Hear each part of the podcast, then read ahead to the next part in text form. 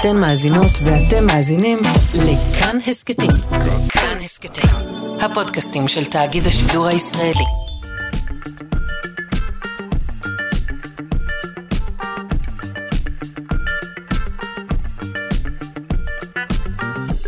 שלושה שיודעים. שלום, בוקר טוב. אתם על uh, מהדורת החדשות המעניינת uh, של הבוקר, כאן, בכאן תרבות, 104.9 או 105.3. שלושה שיודעים uh, מה יהיה היום. נדבר על uh, תחזית לנו, לבני האדם, בעוד 700 אלף שנים. בטח שאל את עצמכם מה הולך לקרות, אז uh, נדבר על זה. Uh, נדבר גם על התחזית uh, של חקר החלל לשנה זו, 2023, לא נרחיק לכת כאן, ונשאל האם ייתכן שדינוזאורים ייצרו בום על-קולי. יהיו כמובן גם עוד נושאים רבים נוספים, ויהיה מאוד מעניין. עורכת, אלכס לויקר, המפיקה, תמר בנימין, על הביצוע הטכני אלון מקלר. אני שרון קנטור. אם אתם לא יכולים להאזין לנו כעת, אנא פתחו אותנו בשידור החוזר אה, בשעה שמונה בערב, או האזינו לנו כהסכת, בכל זמן ובכל מקום שמתאים לכם. בואו נתחיל.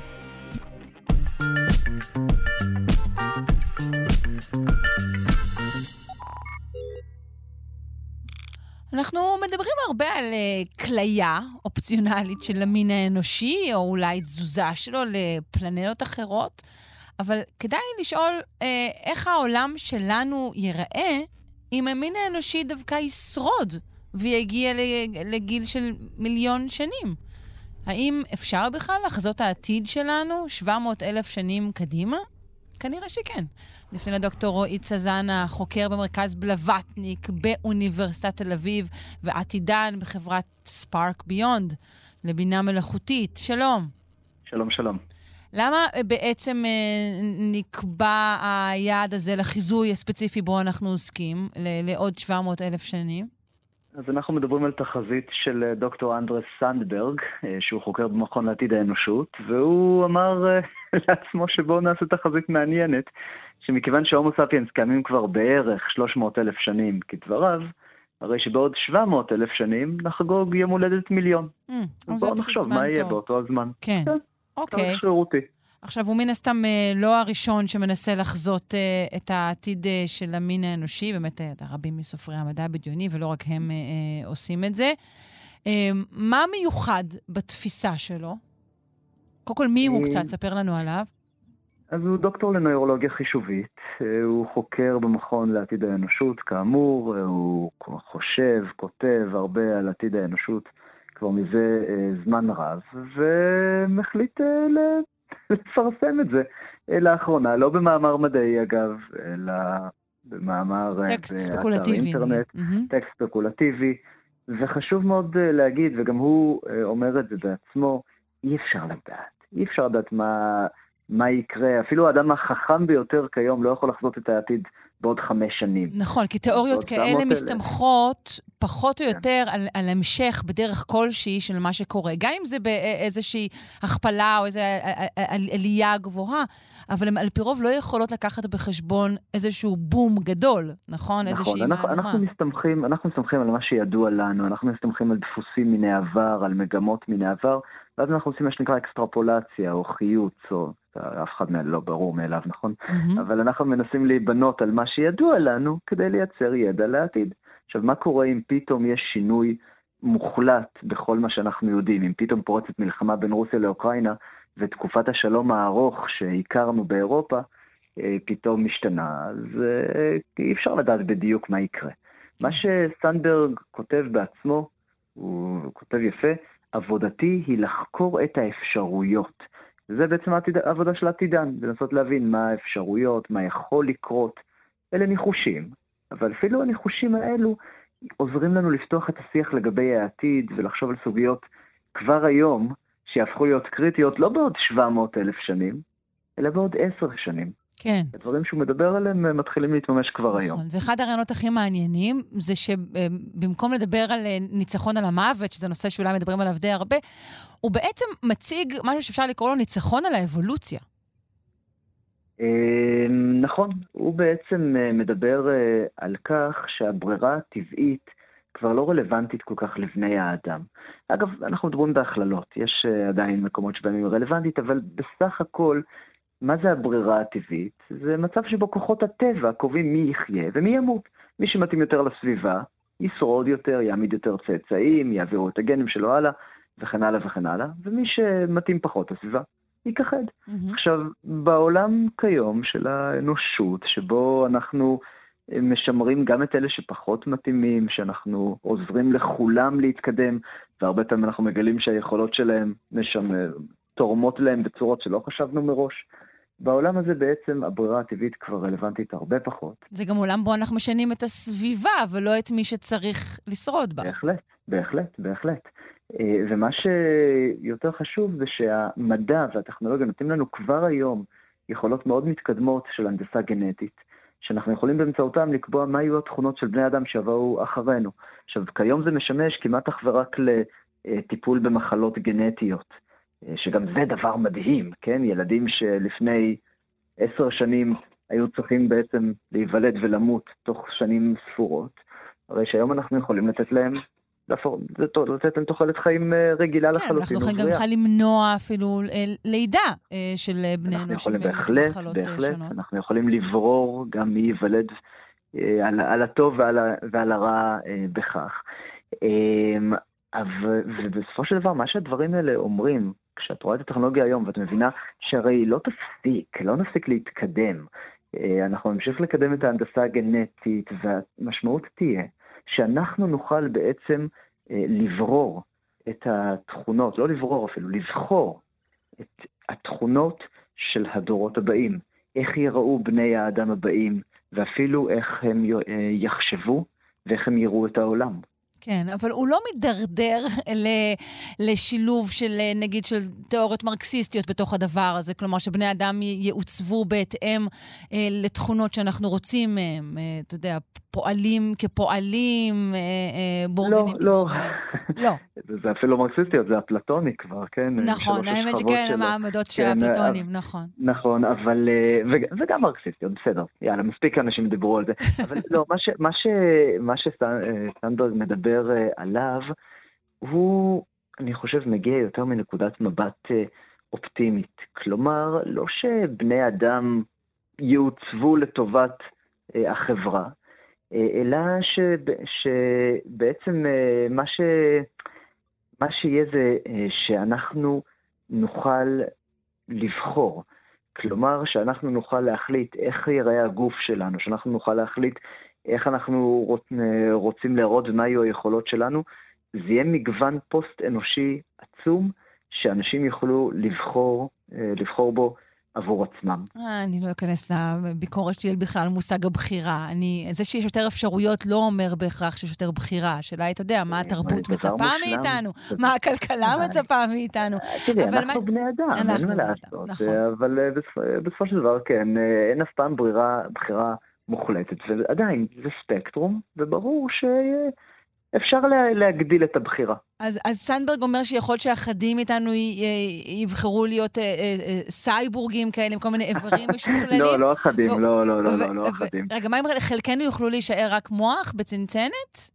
אז ככה, הוא מחלק, ב, הוא אומר, קודם כל, מה שאני מבין ממנו, ושוב, זה מאמר ככה פופוליסטי, הוא שוטח את המחשבות שלו מאוד בכלליות, אבל הוא, הוא טוען שלא אחדים, אלא רוב האנושות למעשה ילכו בדרך הזו שיבחרו איך להיראות, מה, היכול, מה, מה היכולות שלהם וכן הלאה, יהפכו להיות פוסט-אנושיים.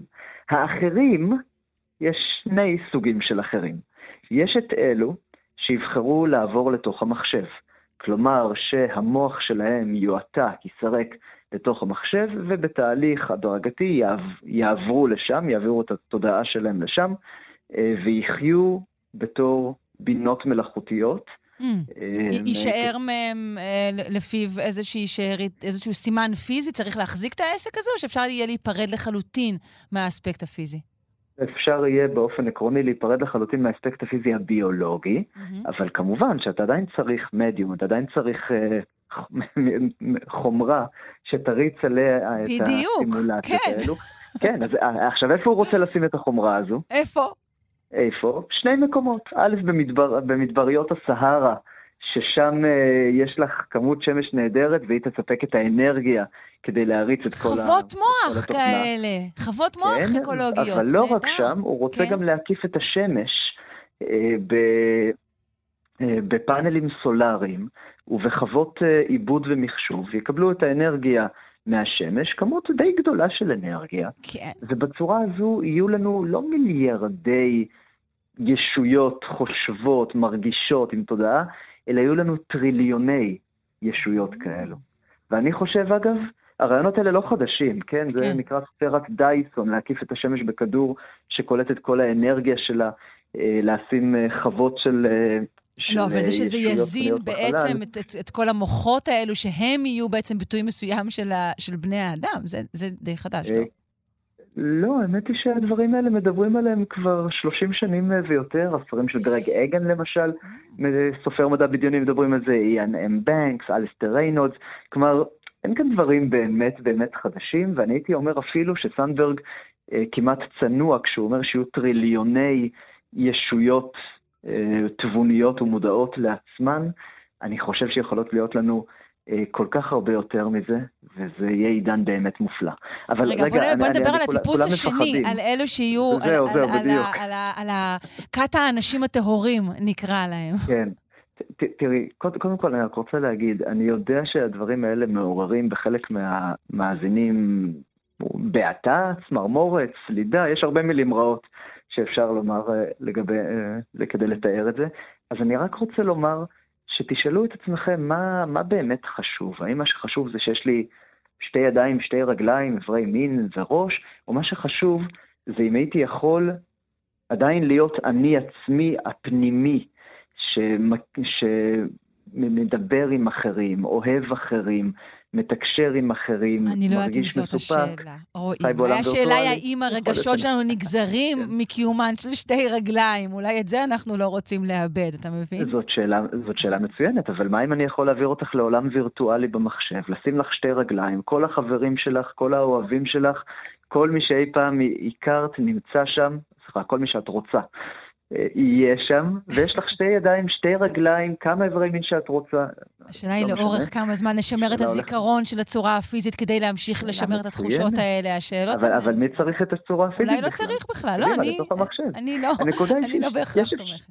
יש כל כך הרבה אפשרויות, לא צריך לפחד באופן, באופן מיידי, ברור שיש גם, אפשר, שיש גם סיכונים אבל, ויש חששות, אבל צריך להסתכל גם על הצד החיובי. נכון. אני חושבת שהסיכונים שאלת- והחששות, אגב, כן. נובעים בעיקר מתקופות ביניים. מתקופות של החלטה, מתקופות של חלק מהאנשים ככה וחלק מהאנשים ככה. נראה לי שמדברים, אתה יודע, כאלה רעיונות אה, סופיים וגדולים, יאללה, בואו נהיה כולנו רק אה, ישויות כן, נטולות גוף וזה, כן, סבבה, זה- עם זה כן. אנשים יזרמו. אבל אה, הדרך, הדרך תהיה קשה.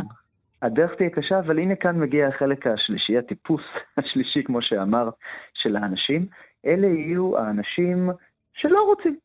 ואת יודעת, זכותם המלאה, וחשוב שזאת תהיה זכותם המלאה. אנשים שלא רוצים לעבור שדרוג, אנשים שלא רוצים לעבור לתוך המחשב, אנשים שלא רוצים uh, להתקדם, אם נאמר את זה ככה, או שיש כאלה שיגידו לקפוץ הצידה uh, לצורת קיום חדשה לגמרי. והאנשים האלה יישארו כמו שהם עכשיו, או לפחות בעוד מיליון שנים יישארו כמו שהם חשבו שבני האדם היו פעם, אה, בתקופה שלנו. אה, והם אה, יתקיימו איך שהם רוצים, בשמורות טבע, יבשלו נו, את אבל אם האוכל לקחנו את כל שלהם. האנרגיה של השמש לצורך המוחות, אז אולי לא תהיה להם שמש מספיק לגדל את הצמחים ולספק לעצמם מים. זה א'. זה בסדר, אנחנו לא שואבים את האנרגיה שלהם הצידה, הם יכולים לחיות, הם יכולים אפילו לעשות את הדבר המטורף הזה, ללדת ילדים, אוי ואבוי. והם יכולים אה, למכור כרטיסים לזה, זה יהיה עסק משגשג, זה יהיה כמו מוזיאון. אבל לא, רגע, אז שאלה נכון, רצינית שנייה. אנשים, כן. אנשים אומרים שאפילו בחירות יותר קטנות, אה, כמו, חבר'ה, אתם תעברו לו את מוח ואני מעדיף להשאיר את הגוף שלי, אה, נגיד כמו בחירות של אנשים אה, לא להתחסן, לצורך העניין, עלו לאנשים בזכויות מסוימות. אתה באמת חושב שבחברה שבה ניתן יהיה להיפטר לחלוטין מהגוף הפיזי, ייתנו לכל מיני אנשים להמשיך לגור בכל מיני שמורות, רק כי הם לא רוצים להתקדם? כן, אני באמת מאמין בזה, מכיוון שאנחנו מדברים, בתחזית של סנדברג, אנחנו מדברים על עולם של שפע. שפע באנרגיה, שלא חסרה אנרגיה לאף אחד. שפע בבחירות, הבחירות שלך לא חייבות להשפיע על כל היתר. אה, שפע במזון, שפע במים, וכן הלאה וכן הלאה. המשמעות היא שאם יש אנשים שרוצים בעצם להחריג את עצמם ולחיות בשמורות, תפאדל, בבקשה, לא רק זה, אלא שסנדברג גם אומר שבעוד מיליון שנים, שבעוד 700 אלף שנים, כדור הארץ, רוב כדור הארץ יחזור למצב טבעי, פראי, יערות, סוואנות וכולי, כי אנחנו נרצה לשקם אותו ולהחזיר אותו למה שהיה. אגב, אני לא מסכים איתו, אבל אני, אני רואה את ההיגיון בדרך החשיבה שלו, וזה יכול להיות. כן. כלומר, ייתכן שהדרך לשמר את כדור הארץ תהיה באמת דרך מעבר של, של, אמ, של כמויות גדולות מאיתנו לקיום שהוא לא קיום פיזי, ככה זה יהיה אולי חסכוני. זה בדיוק מה שסנדברג אומר, אבל אני רוצה לשים לרגע את האצבע על נקודה מסוימת. אני חושב שסנדברג לוקה... אני אומר את זה בזהירות, כי אני לא מכיר את הבחור, אבל אה, את הדוקטור. אה, אבל אני חושב שהוא לוקה במה שג'ונתן מרגוליס כינה יוהרת ההווה. כלומר, הנטייה לחשוב אוטומטית שההווה זה הדבר, מה שאנחנו מכירים היום בהווה, ככה זה צריך להיות.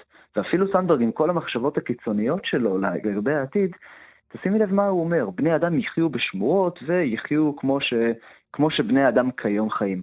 אבל מה זה, למה בני אדם כיום? למה לא, שלא יחיו כמו בני אדם לפני 200 אלף שנים, ויצודו צבעים ויסטטו אה, בצור? למה שהם לא יחיו כמו בני אדם בעוד, בעוד כן, אני דימה את השמורות האלה באמת כמו... יותר. אני דימה את השמורות... מי, מי קובע מה זה בני אדם ש... mm. המקוריים? מי קובע מה הדרך הנכונה אה, אה, לחיות? יש כל כך... מי, מי קובע אגב מה זה הטבע? האם הטבע הוא מה שהיה כאן לפני 200 אלף שנים? האם הטבע הוא מה שיהיה כאן בעוד 100 אלף שנים? אנחנו מדברים בטווחי זמן כאלה, שקל לי לשכוח שמי שנותן... יוכל לבחור באיזה תקופה הוא ירצה לחזור. כן. כן, סליחה. ברגע שהוא נותן חיזוי לבני אדם, כבר ההנחה שלו היא... נכון. אתה מבין? נכון. זאת הנחה ששמו אותנו במרכז. הוא לא אומר, חבר'ה, מה שיחזור פה זה רק חטאים להתראות. את צודקת, ואת יודעת, יש, יש אה, תחזיות גם ורעיונות, לא תחזיות, כן, אבל תרחישים ואפשרויות. למשל, שאנחנו ניתן בינה לצמחים. שאנחנו ניתן בינה לחיות. יש סיפורים מאוד מאוד מרתקים על זה במדע הבדיוני. מי ערב לך באמת שלא בעוד מאה אלף שנים יהיו כאן רק חיות מדברות וחושבות, ושכל מי שירצה לחזור אחורנית בזמן ולחיות כמו, כמו שהיה אז, ימצא, בכלל יחיה בגוף של חיה. Mm-hmm. אנחנו לא יודעים, נכון. האפשרויות הן כל כך כל כך אה, רבות, אבל אני אומר, אה, אני אומר שוב, סנדברג לא מתיימר לדעת. הוא שוטח כמה רעיונות, והוא אומר בעצמו שמה שחשוב זה להתחיל לחשוב עליהם ועל המשמעויות שלהם, כדי שנוכל להחליט אה, אה, בסוגיות שכבר היום קריטיות. האם בינות מלאכותיות למשל, האם צריכה להיות להן זכות קיום, האם צריך, או זכויות משלהם? האם צריך להרשות לאנשים לשדרג את הגוף שלהם? אה, ואם מישהו רוצה לשמר דווקא את הצורה המקורית שלו, האם צריך לסייע לו בצורה מאוד אקטיבית? לתגמל אותם על זה, או שצריך דווקא לדחוף אותם אחורנית מזה אה, כדי שיתקדמו הלאה עם שאר האנושות. אלה דברים שאנחנו צריכים להתחיל לחשוב עליהם כבר היום. לגמרי, אפילו היינו, היינו צריכים כבר להתחיל כמעט מאוחר מדי. uh, טוב, לצערי, שיחה זו uh, באה לסיומה, uh, אבל אני מקווה לדבר איתך שוב בקרוב. דוקטור רועי צזנה, חוקר מרכז בלווטניק באוניברסיטת תל אביב, ועתידן בחברת ספארק ביונד לבינה מלאכותית. תודה. כמה בקרוב. אה, עתיד קרוב מוצלח. כן, לגמרי. ביי. יאללה, נתקשר מתישהו. יש לנו מיליון שנים קדימה. ביי ביי.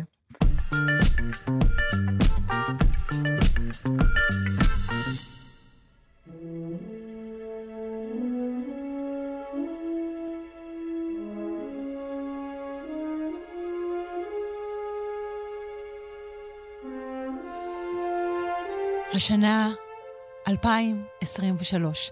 עדיין על הרקע הזה זה נשמע כמו שנה בעתיד, אני חייבת להגיד, אבל לא, היא קורית ממש עכשיו. אה, ואנחנו רוצים אה, לדבר על התחזית להתקדמות בחקר החלל אה, לשנה הזו. ישטח אותה עבורנו סעיף אחר סעיף. יואב לנצמן, הוא יזם בתחום החלל, ובעברו מהנדס מערכת בכיר במשימת בראשית. שלום. שלום, בוקר טוב. בוקר אור, תודה רבה שאתה איתנו.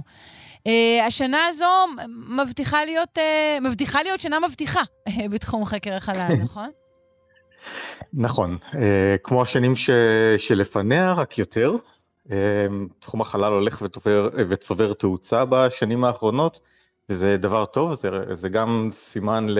להתקדמות בתחומים מדעיים, אבל גם בתחומים אחרים. חלל הופך להיות משהו מאוד uh, מסחרי, שהמון חברות uh, מסחריות, חברות פרטיות uh, עוסקות בו, כי יש לו המון המון שימושים מעשיים לחיי היום-יום שלנו. כן, כלומר, אתה, אתה רואה אה, בזה משהו טוב שגורמים מסחריים נכנסו אה, עמוק אל, אל חקר החלל. בהחלט, אה, כי זה נותן דברים שהם אה, הרבה פעמים יותר, אה, יותר מעשיים ויותר אה, אה, נגישים. כמו מה? תן לנו דוגמאות. אה, למשל, אה, גישה לתקשורת לוויינים או לצילומי לוויין, שבעבר היה משהו ש... שהיה באחריות ממשלות, ממשלות דאגו לו כמו להרבה תשתיות אחרות. אבל היום אם את רוצה צילום לוויין של, של העיר שלך, של הבית שלך, או דברים כאלה, את יכולה להשיג את זה אונליין, אה, בלי בכלל לדעת שזה בא מלוויין, זה לא משנה, אבל את יכולה להשיג את זה. ויש לזה הרבה שימושים מסחריים אה, אה, מאוד חשובים, בשביל שיקולים כלכליים, בשביל תכנון אסטרטגי של כל מיני חברות, בשביל אה, תכנון, אה, אה, תכנון עירוני, למשל. Mm. יש כל מיני חברות שמציעות כל מיני שירותים של, שאפשר להשיג אותם עבור תכנון עירוני על ידי שליחת פקחים, למשל, לכל מיני מקומות בעיר, אבל בתמונת לוויין אחת את יכולה להשיג את כל המידע ברגע. אה, אז זה חוסך הרבה מאוד. כן. Uh, טוב, בוא נדבר uh, קודם כל על, באמת על התכנונים של נאס"א, שבטח הם uh, רבים. כן, אה, התכנונים של נאס"א, אה, אה, נאס"א מתמקדים בצד המדעי של, של תחום החלל, ויש שתי משימות מאוד מעניינות שהולכות לצאת לדרך השנה. אחת נקראת ג'וס, שזו חללית שהולכת להגיע אל צדק, כוכב הלכת צדק, ולחקור שלושה מתוך ארבעת הירחים הגדולים שלו.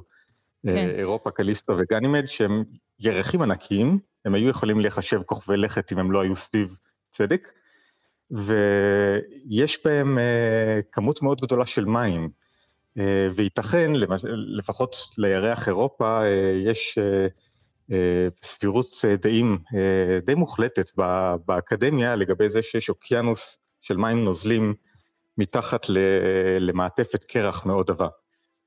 כי חם בפנים, זה, זה דבר שקצת מוזר uh, לתפוס אותו, אבל נכון. uh, חם uh, ב, uh, בליבה שלו, בגלל שהוא קרוב לצדק, uh, ו, ולכן הקרח uh, הפנימי דווקא uh, הופך למים, ולכן יש אפשרות uh, לא מבוטלת, שיש uh, התחלה של uh, איזושהי ביולוגיה בפנים, איזה שהם... יצורים חיים שיכולים להתחיל אה, להתפתח שם. Mm, אז המשימה הזו של, של, של ג'וס, שזה כמובן, אה, זה לא על שם השיר של אה, ליזו, אלא, אלא ראשי תיבות, נכון? זה Jupiter Icy Moons Explorer. זו משימה שתתחיל השנה. ועתידה להסתיים, אם בכלל, כלומר להגיע, לא להסתיים, אלא להגיע ליעדה. היא תגיע לצדק ב-2031, אני חושב. דרך ארוכה, צדק מאוד מאוד רחוק. כן. אוקיי, אה, מה עוד אה, מתעתדים אה, להתחיל בנעשה השנה? ויש משימת חלל נוספת שנקראת סייקי, שזו משימה לחקר אסטרואיד מאוד מיוחד שנמצא במערכת השמש, שנקרא באותו שם, ומה שמיוחד בו שהוא אסטרואיד מתכתי כמעט לגמרי, בניגוד לאחרים שעשויים מסלע, או, או מאסטרואידים שנקראים ערימת חצץ, אה, בגלל איך שהם אה, מורכבים, שבעצם mm-hmm. אוסף של המון אבנים אה, קטנות יחסית, או קרח. ו, והאסטרואיד הזה הוא בעיקר מתכתי, מה שהוא מאוד מזכיר ליבה של, של כוכב לכת. יש לזה המון משמעויות מבחינת המדעים שקשורים לחקר אסטרואידים ולחקר פלנטות וההתפתחות שלהם, אה, כמו למשל איך דבר כזה בכלל נוצר, האם הוא היה משהו כמו כוכב לכת שאיכשהו השיל את המעטפות החיצוניות שלו של סלע וקרח וכל מה שנשאר זה הליבה המתכתית, או שיש סיבות אחרות להיווצרות של דבר כזה. יכול להיות שזה רסיס של איזשהו אה, גוף שמימי אחר שקיים במערכת השמש, אנחנו עוד לא יודעים של מה, כי עוד לא בדקנו את זה מקרוב, והמשימה הזו אכן תוכל לבדוק את זה מקרוב, ויש לזה השלכות מאוד מאוד חשובות אה, על המדעים הפלנטריים. אז המשימה הזאת תצא לדרך אה, באפריל השנה, אם אני לא טועה. אה, אני לא טועה לגבי השנה, זה הולך להיות okay, השנה. Okay. והיא תגיע ב-2029. אה, זה גם, לוקח הרבה זמן להגיע אה, למקומות האלה. אוקיי. אה, כמעט שמש זה מקום גדול. מה, מה שלום אה, תוכנית ארתמיס השנה, מה יהיה איתה? יהיה משהו? תוכנית ארתמיס זה לא רק מה שקורה בחלל, הרבה מזה קורה על כדור הארץ, בפיתוח של המשימות ובאימון של, של אסטרונאוטים ובהרכבת החלליות שהולכות לקחת את האסטרונאוטים לשם וכל mm-hmm. זה. אז כמובן שהיא מתקדמת בזמן הזה, אבל לא, יש, לא צפוי להיות שיגור השנה ש, של משימת ארתמיס, השיגור הבא אמור להיות אה, רק ב-2024. Mm. אמ, אז מהבחינה הזו אנחנו כנראה לא נשמע יותר מדי על זה, חוץ מאולי אה, את הבחירה של האסטרונאוטים שהולכים להיות אה, הראשונים בדור הזה שהולכים להגיע לירח. אה. שזה כמובן משהו שיהיה מעניין לשמוע. יפה. אבל יש הרבה דברים אחרים שהולכים לקרות על הירח בשנה הקרובה. אה, זה לא שעוזבים את הירח, אוקיי. לא, לא, לא, הירח עדיין במוקד, במוקד העניין שלנו ושלי. אמ, אנחנו אה, הולכים לראות אה, כמה אה, משימות ירח שהולכות לטוס השנה, וחלקם אפילו לנסות לנחות על הירח, שזה גם משהו ש... שעדיין לא קורה מספיק. אמ, אנחנו ב... ב... עם משימת בראשית ב-Space.il ניסינו לנחות על הירח ב-2019, שזה בעצם היה משהו שעזר להרבה תוכניות אחרות לקרות, כי זה נתן את, ה, את ההשראה ואת ההדגמה, שזה באמת משהו שאפשר לעשות בתקציבים הרבה יותר קטנים, במימון פרטי אה, ובזמן הרבה יותר קצר ממה שהיה מקובל בעבר. כן. ואנחנו הולכים לראות, אה, אנחנו מקווים ששלוש משימות שהולכות לטוס לירח, משימות רובוטיות צריך להגיד, אה, אחת מהן כבר בדרך. משימות, כלומר, כלומר, ללא בני אדם, כן? נכון, mm-hmm. ולקחת, ש, שלוקחות מטענים שונים, מדעיים או מסחריים, או אפילו כל מיני פרטי אומנות לירח. הם מתחילים פשוט אה, לשים שם את השיט שלנו, כי אין מקום? מה זה להתחיל לשים שם פרטי אומנות? מה זה, זה מחסן? אה, זה לא מחסן, ואני מבין את הגישה הזו, וזה, וזה נכון במידה מסוימת, אבל אנחנו בני אדם, ואומנות זה חלק מה... דברים שאנחנו עושים. אז אני חושב שראוי לשל... גם לשלוח דברים כאלה, ולא פשוט מכונות ש... שאת יכולה להטיל ספק לגבי כמה באמת נחוץ לשלוח כן. מכונות לירח. אמ, אז, אז זה דברים שאנחנו לוקחים איתם. אז הכוונה היא לטוס לשם ושוב להשאיר כן. שם פריטים מסוימים. ל... לא לפזר אותם. כן, לא לפזר, אבל, אבל להותיר, כן? נכון. בעצם, נכון. בעצם אה, לאיזו מטרה? אז, אז המטרה היא בעצם, אה, כרגע המשימות הראשונות הן בדרך כלל אה, נקראות אה, הדגמה טכנולוגית. זה באמת להראות שאנחנו יודעים לעשות את זה, כי כרגע זה, זה מאוד קשה, אנחנו לא הנחתנו שום דבר על הירח ב, בעשרות שנים האחרונות. אז, אז, אז רוצים להראות שאנחנו באמת יודעים לעשות את זה, שחברות פרטיות יודעות לעשות את זה, וזה תהיה ההתחלה של הקמת תשתיות על הירח בשביל להקים אה, בסיסים על הירח, להקים תעשייה על הירח, mm. להקים אולי מוקדי תיירות על הירח. אוקיי. Okay. אה, ו- ונראה לאן זה הולך. אוקיי. Okay. אז כרגע יש חללית יפנית בדרך ל- לירח, נחתת. אה, יפנית דווקא. של חברת iSpace. אוקיי. Okay. כן, אמ, שהם אה, הם התחרו אה, אה, מול SpaceIL בתחרות לירח לפני כמה שנים, וזו התוצאה. עכשיו, סוף סוף הם קיבלו את ההזדמנות לטוס לירח, הם, הם הולכים בדרך הארוכה, זה ייקח להם כמה חודשים, ואני חושב שבאפריל הם אמורים לבצע את ניסיון הנחיתה שלהם. טוב, מעניין מה יהיה עם זה. ראשונה מתוך, זו חללית ראשונה מתוך סדרה של חלליות שהולכות לטוס לירח ולקחת מטענים, הרבה מהם של נאס"א דרך אגב, יש להם חוזה דרך חברה אמריקאית מול נאס"א, שבמסגרתו הם לוקחים כל מיני ניסויים של נאס"א ושל חברות אחרות וממשלות אחרות. יש להם, על גבי החללית יש רובר של איחוד האמירויות למשל, שהם לוקחים גם כן לירח, ובעקבותיהם עוד שתי חברות אמריקאיות, אסטרובוטיק ואינטואיטיב משינס, הולכות לשלוח גם כן את הנחתות הראשונות שלהם, גם עם חוזים של נאס"א וגם עם כל מיני מטענים נוספים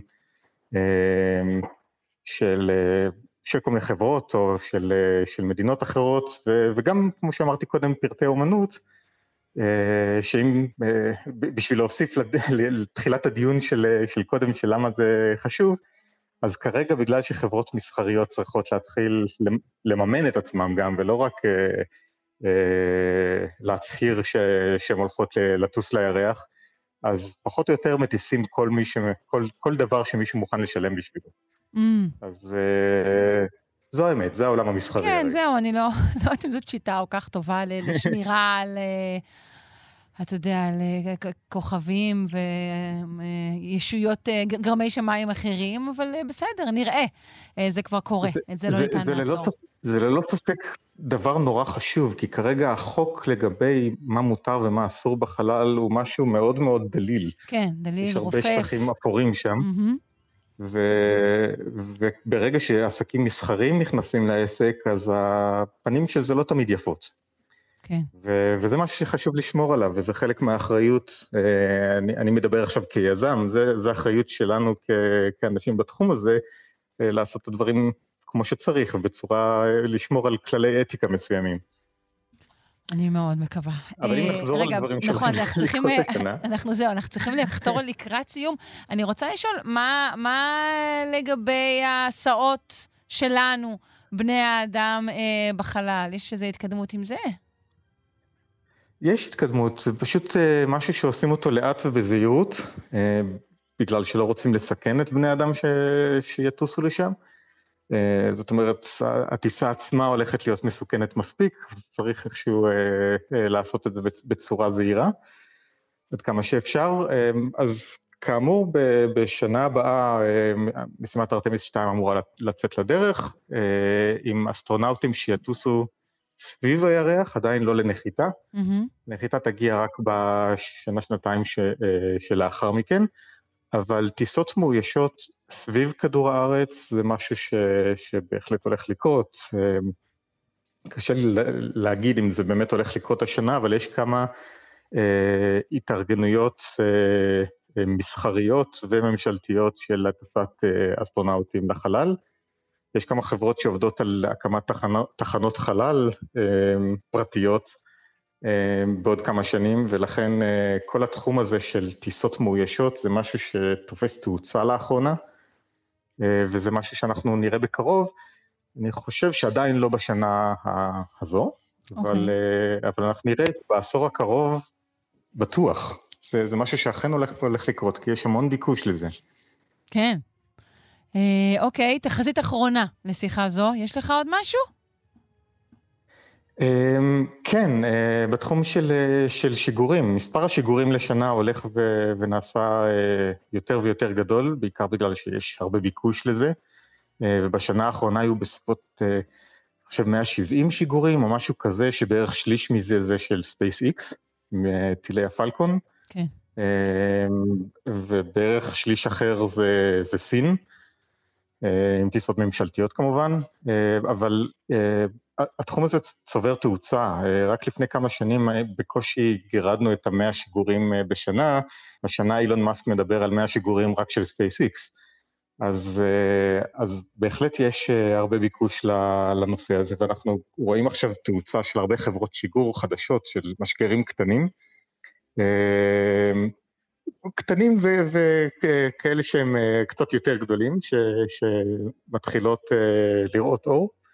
אה, יש המון חברות היום שעושות את זה. בתחום הזה יש הסדרה? כי הזכרנו קצת היעדר הסדרה בחלל. בתחום הזה יש הסדרה? לא, לא, לשיגורים יש הסדרה מאוד מאוד מאוד ברורה. אוקיי. Okay. של מה מותר ומה אסור. הרבה מזה קשור לשימושים צבאיים פוטנציאליים של הטכנולוגיות האלה. אז הדבר הזה כן מוסדר. Uh, והוא באחריות, uh, באחריות מדינות גם, זה לא באחריות uh, פרטית בלעדית, יש המון רגולציה על זה. Mm. ו...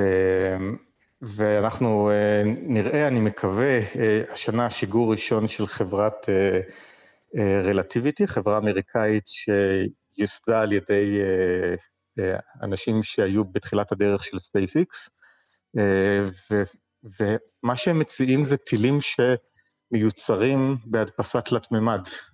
שכל הרכיבים שלהם מיוצרים בהדפסה, שזה אה, דבר מאוד אה, חדשני ואמור לשפר את, ה, אה, את מהירות הייצור ואת והוזלה של העלויות כמובן. Mm-hmm. ו, ואנחנו נראה, זה, זה אתגר מאוד מאוד מורכב, אבל הדברים האלה מראים תוצאות טובות בניסויים, אז אנחנו נקווה שנראה את זה. וגם אם כבר מדברים על SpaceX, אז אולי נראה את השיגור הראשון של הסטארשיפ, של הטיל הענקי שהם מייצרים, אה, שהוא אה, באמת יותר גדול מכל מה ש... שטס עד כה, אה, שבאמת יוכל להרים למסלול מטענים מאוד מאוד גדולים, ובעצם ברגע שהדבר הזה ייכנס לשימוש, זה יעשה מהפכה בכל התחום הזה של השיגורים, כי פתאום כן. שיגור יהפוך להיות משהו ממש ממש ממש נגיש וזול. כן, זה יהיה Game Changer, כן. כמו שאומרים. Uh, טוב, אז 2023, מהר יותר, גבוה יותר, חזק יותר. Uh, אני מודה לך על התחזית בשלב זה. יואב לנצמן, יזם בתחום החלל, uh, או בעבר, מהנדס מערכת בכיר במשימת בראשית, שתהיה שנה טובה. תודה רבה, שנה טובה גם לך ולמאזינים. תודה.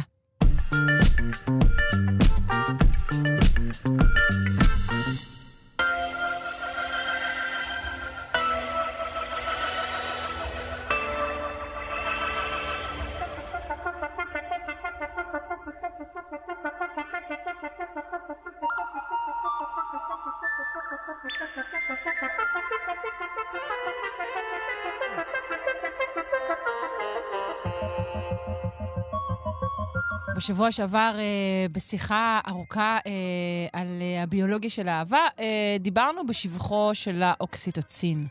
אה, ואנחנו כרגע עם מחקר חדש שמלמד על תפקידו של ההורמון הזה ביצירת אה, קשרים אה, בין נוירונים אה, ושמירה על גמישות מוחית בקרב מבוגרים. אה, נפנה לאחת שיודעת, דוקטור נועה אלבלדה, ממרכז סגול למוח ותודעה באוניברסיטת רייכמן. היי, בוקר טוב.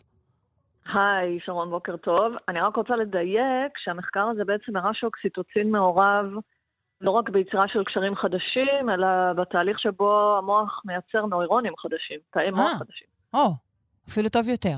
אז בואי כן. ספרי לנו על המחקר הזה. אה, אז המחקר הזה, קודם כל נגיד, אה, מחקר שנעשה בעכברים, ורצה באמת לבחון כל מיני גורמים שמשפיעים על היכולת של המוח לייצר אה, נוירונים חדשים. עכשיו פה חשוב לי להגיד אה, שני דברים כאיזשהו סוג של רקע, שא', אה, עד שנות ה-90 של המאה הקודמת הייתה איזושהי תפיסה שאמרה שהמוח הבוגר לא יכול לייצר נוירונים חדשים, זאת אומרת אנחנו נולדים עם מספר מסוים של נוירונים, ומרגע שנולדנו, אה, נוירון שנפגע, נהרס, אה, מת, אין לו תחליף. והחל מתחילת שנות ה-90 התחילו להצטבר יותר ויותר עדויות שזה לא נכון, והיום אנחנו יודעים שגם במוח הבוגר, גם של בעלי חיים וגם של בני אדם, עדיין אה, נשמרת היכולת לייצר ממש אה, פיזית תאי מוח חדשים, זה דבר אחד. כבר בשורה נהדרת למי שחשש.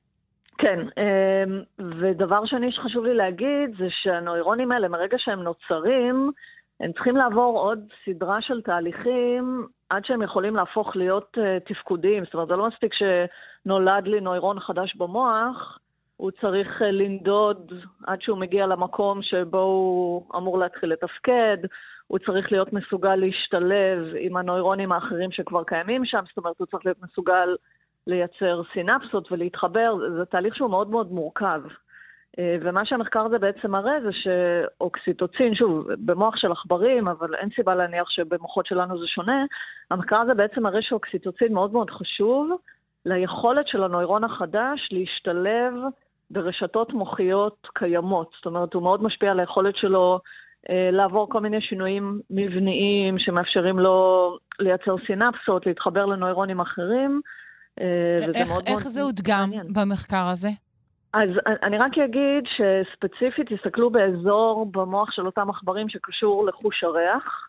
למה חוש הריח? כי מכרסמים בניגוד לבני אדם, אה, מסתדרים בעולם בעיקר דרך חוש הריח, אנחנו יותר מסתמכים על חוש הראייה. ואנחנו יודעים שבמוחות של מכרסמים, שוב, במחקר הזה ספציפית עכברים, האזורים שקשורים לריח הם אזורים מאוד מאוד פלסטיים, אזורים מאוד מאוד גמישים, ויש שם הרבה מאוד יצירה של uh, נוירונים חדשים.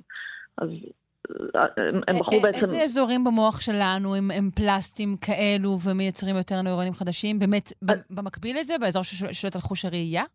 אז לא, אז אצלנו דווקא מסתכלים על אזור שנקרא היפוקמפוס, שהוא האזור במוח האנושי שהוא מאוד מאוד דומיננטי ביצירה של זיכרונות. אה, ואנחנו יודעים, זה בעצם אחד האזורים שהודגמה בו היכולת לייצר נוירונים חדשים גם במוחות אנושיים. יש עוד אזורים, אבל אצל בני אדם בהיפוקמפוס זה כנראה קורה בצורה הכי מסיבית. Okay. אוקיי. ואצל, ואצל מכרסמים רואים את זה גם בהיפוקמפוס וגם באותו אזור ספציפי שקשור לחוש הריח. אז בעצם נתנו להם ללמוד איזושהי מטלה, אה, שבה הם צריכים לעשות איזושהי, איזושהי פעולה בהסתמך על, אה, על חוש הריח, ואז אה, בדקו באמצעות כל מיני שיטות ביוכימיות, שאני ככה לא אכנס לפירוט שלהם, בדקו מה עושה שם אוקסיטוצין, ובאמת הראו שאוקסיטוצין אחראי לאותה שרשרת של תהליכים, שמאפשרת, מרגע שהנוירון החדש כבר נוצר, שמאפשרת לו ממש להשתלב במארג הרשת המוחית, ומהצד השני, אם את חוסמת את הפעולה של אוקסיטוצין, למשל אם את פוגעת בקולטנים שלו במוח, אז התהליך הזה לא מצליח אה, להתממש. בואי נזכיר למאזיננו מתי בעצם יש אה, הפרשה מוגברת של אוקסיטוצין, אצל בני אדם אז, כרגע. אז, אז אוקסיטוצין קשור לכל מיני תהליכים, הוא כמובן הכי מפורסם בהקשר לתפקיד החברתי שלו, הוא מופרש בסיטואציות חברתיות, הוא קשור גם ליצירה של מערכות יחסים אה, אינטימיות, רומנטיות ואפלטוניות. אה, הוא מופרש גם במהלך הנקה, יש לו תפקיד בייצור חלב, יש לו תפקיד בהתכווצויות של הרחם לקראת לידה, זאת אומרת, הוא הורמון גם שקשור מאוד לנושא של... אה, של לידה? וש... לידה ושל והורות. מין, נכון? יחסי מין, הוא מופרש באמת במהלך אורגזמה, וזה הופך יחסי מין שוב כאיזשהו כלי שיוצר קשר אינטימי, אבל כמו שאמרתי, הוא מופרש גם בסיטואציות חברתיות אה, שבה, שבהן אנחנו נמצאים עם, עם חברים או עם, או עם אנשים אחרים, והוא בעצם הורמון שמבחינה חברתית הוא נותן בולטות למה שנקרא רמזים חברתיים. זאת אומרת, הוא עוזר לי למשל לשים לב בצורה יותר טובה להבעות פנים של בני אדם, לגוון הקול שלהם, לשפת הגוף שלהם, אה, ובגלל זה הוא באמת מאוד מאוד חשוב לתפקוד חברתי. ואני אגיד, הם אומנם לא מתייחסים לזה במאמר, אני מאוד שמחתי על המאמר הזה כי הוא מעניין, אבל זה לא כך מפתיע אותי שאוקסיטוצין יש לו כזה תפקיד חשוב בפלסטיות מוחית, כי אנחנו כבני אדם, הרבה מהלמידה שלנו, אנחנו עושים בתוך קונטקסט חברתי. אמ, אז זה מאוד מאוד הגיוני ש, שיש פה איזשהו הורמון שתומך ביכולת שלי ללמוד מתוך סיטואציות חברתיות. אני מתוך... לא יודעת אם את יודעת, אבל אה, אני שואלת, זאת אומרת, כן. האם אוקסיטוצין מופעל רק בסיטואציה חברתית בעלת אספקט פיזי? או שהוא יכול להיות מופעל גם אה, בעודנו משוטטים באיזושהי רשת חברתית? תראי, הוא, הוא, בוא נגיד ככה, הוא הכי יעיל, או ההפרשה שלו היא הכי גבוהה, כשאנחנו באמת בנוכחות פיזית של אנשים אחרים. כשיש קשר עין, כשיש ממש, אה, כשאנחנו רואים אחד את השני, כמובן כשאנחנו נוגעים, זה מאוד מפורסם שאחת הדרכים הכי יעילות לגרום להפרשה של אוקסיטוצין זה חיבוק, כל עוד הוא בהסכמה כמובן. אמ, אבל הוא יכול להיות מופרש גם בסיטואציות אחרות. אני בזמנו קראתי על מחקר שהראה שגם נגיד בשיחות טלפון, זאת אומרת, כשאת שומעת קול של בן אדם, הוא יכול להיות אה, מופרש, אבל זה, זה פחות יעיל. זאת אומרת, הוא כן דורש איזשהו, איזושהי נוכחות פיזית באותו מרחב. כלומר, אנחנו כן יכולות לעשות את איזושהי הקשה, ולומר שכשבן אדם בסיטואציה אה, אה, בודדה, מסיבות כאלו או אחרות, מופרש פחות אוקסיטוצין, ומכאן גם יש אולי פגיעה ביכולת הייצור אה, אה, אה, אה, של, של אה, נוירונים במוח? כן, אני, אני אגיד, זה טוב שאת מעלה את זה, כי אנחנו יודעים שבאמת אה, אנשים שסובלים מבדידות, אה, אנחנו יודעים שיש ירידה גם בתפקוד הפסיכולוגי שלהם, גם בתפקוד הרגשי שלהם, וגם המוח הוא פחות בריא, ובהחלט, הנה, יש פה איזשהו מנגנון שיכול אה, להסביר את זה. ואנחנו גם יודעים, אוקסיטוצין, נכון? אפשר גם לתת אותו כפיטוצין. נכון? אני זוכרת שיש דבר כזה. אפשר לתת אותו, כזה. מה שנקרא, מבחוץ, בדרך כלל אה, זה משהו שנותנים אותו כתרסיס, שאת אה, ככה שמה בנחיריים, ומשם הוא אמור אה, לחדור לתוך המוח. יש בשנים האחרונות מחקרים שבודקים מה באמת ההשפעות של אוקסיטוצין כשנותנים אותו ככה מבחוץ. זה לא הרבה מחקר, צריך עוד מחקר, אבל זה בהחלט, שוב פעם, אחת הסיבות למה אנחנו רוצים להבין את התפקיד שלו במוח, כמובן בסוף תמיד המחשבה על ההיבט היישומי. זאת אומרת, כן. אם אנחנו מבינים שאוקסיטוצין תומך בפלסטיות מוחית, בהיווצרות של נורונים חדשים, אז אולי זה משהו שאפשר להשתמש בו. דרך אגב, תחשבי גם למשל על אנשים אחרי שבץ או איזושהי פגיעת ראש טראומטית, אפילו בלי קשר להיבט החברתי, אלא כאיזשהו כלי שעוזר למוח אה, לתקן את הנזק. כן, אבל העכברים שבלב המחקר שלפנינו, האוקסיטוצין שלהם הופרש בגלל, אה, באופן טבעי, בגלל סיטואציה מסוימת. הוא לא ניתן הופרש להם... הופרש באופן טבעי, לא כשהם היו באיזושהי סיטואציה חיצוני. של למידה. כן. כן. אז טוב, אולי צריך לחזור לעכברים האלה ולתת להם את זה כתרופה ולראות מה קורה. אה, בהחלט אפשרי. אז תמסרי שם, בסדר? אני אדבר. דוקטור נועה בלדה, ממרכז סגול למוח ותודעה באוניברסיטת רייכמן. היה תענוג לדבר איתך, תודה רבה. בוקר טוב, ביי.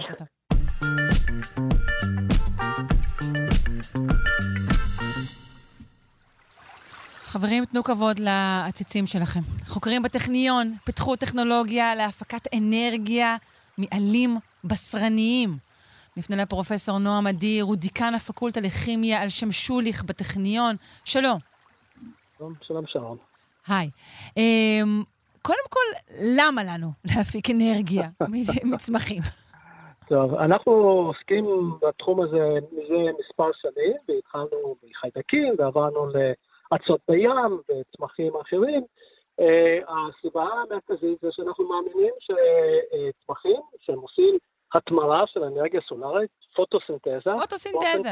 פוטוסינתזה, באופן טבעי ככה הם גדלים, ככה אנחנו חיים מהעושר שהם נותנים לנו, ובכל יום הם מעבירים המון אלקטרונים, ובעזרת השמש, ואמרנו שאולי אולי אפשר לנצל את זה גם לבאמת אנרגיה ירוקה, אה, מקומית, אה, שגם תועיל אה, גם לאדם, אבל בעצם היא גם תעזור לכדור הארץ. כן, חבל לבזבז את האנרגיה הזאת, בואו נרתום אותה למשהו, אתה אומר. נכון, נכון, ואת יודעת, הצמחים, בגלל האבולוציה, בעצם הם יכולים לעשות הרבה יותר פוטוסינתזה ממה שהם עושים ביום-יום, כי הם לא צריכים מספיק. בוודאי בארץ הם, יש להם אוסר של שמש, והם יכולים לעשות בדיוק את הכמות שהם צריכים, ואפשר גם להוציא מהם חלק מהזרם האלקטרוני הזה, בלי לפגוע בגידול שלהם. זהו, לא, כשאתה מדבר ככה זה נשמע קצת כמו שיעבוד צמחים, אנחנו נתחיל לגרום להם לעבוד קשה יותר. אני חושב שכל חקלאי בסופו של דבר מנצל, מנצל את הצמחים אה, לטובת האדם. אני מקווה שהצמחים לא נפגעים מזה. אה, אז זו בעצם לא, לא, חקלאות לא, אנרגטית, אפשר לומר. כן, בהחלט, בהחלט, כן, נכון. אוקיי. אה, על אילו צמחים מדובר במחקר הזה? אז זה המחקר האחרון שפרסמנו, וכאן עשינו משהו קצת שונה. אה, הצמחים הבשרניים או הסוקולנטים, כמו שאנחנו... סוקולנטים, זה גם צמח כן. מאוד אופנתי. אוקיי. מאוד אופנתי, נכון. נכון. קל לגדל אותו גם בתוך דירות, כולם מאוד אוהבים נכון, סוקולנטים. נכון, והוא מאוד עמיד, ואחת מהסיבות שיש לו, אה, לצמחים שלו עמידות, מכיוון שבתוך העלה הוא בעצם אה, שומר כמות לא קטנה של מים. המים זה לא בדיוק מים טהורים, לא הייתי שותה אותם, הם עשירים בנוטריאנטים שהצמח צריך.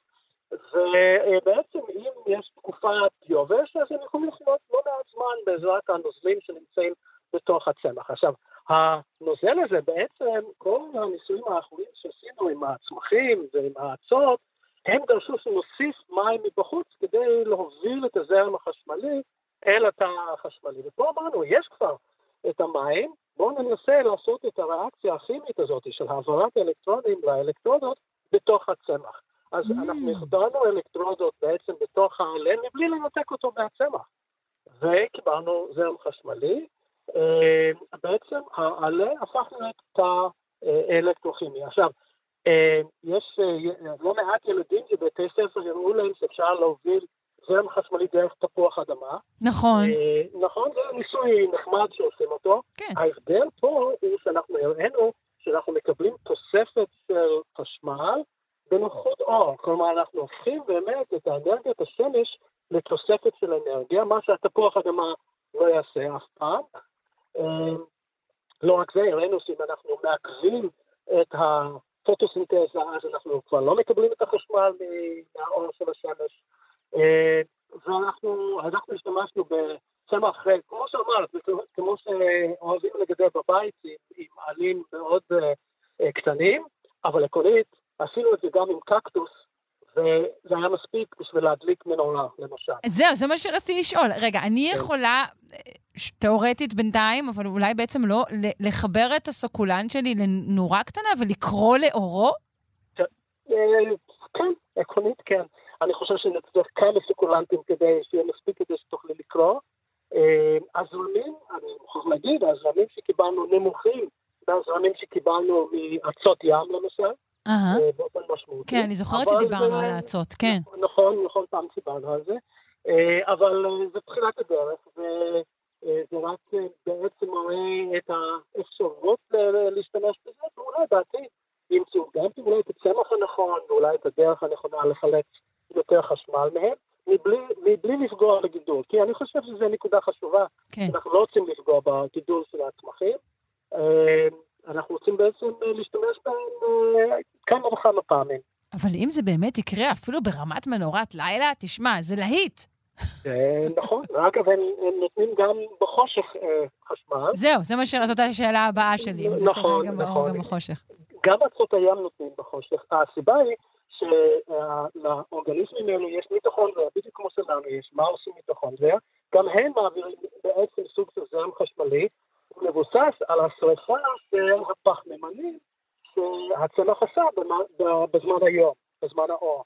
אז בלילה פשוט אה, נותנים את זה אה, דרך אותם סוכרים, כמובן שהזרמים יותר נמוכים, כי אה, לא מקבלים את התוספת של האור, אבל אפשר לקבל גם בחושך. יפה, אני מאוד מודה לך, פרופ' נועם אדיר, דיקן הפקולטה לכימיה על שם שוליך בטכניון. להתראות. להתראות. ביי.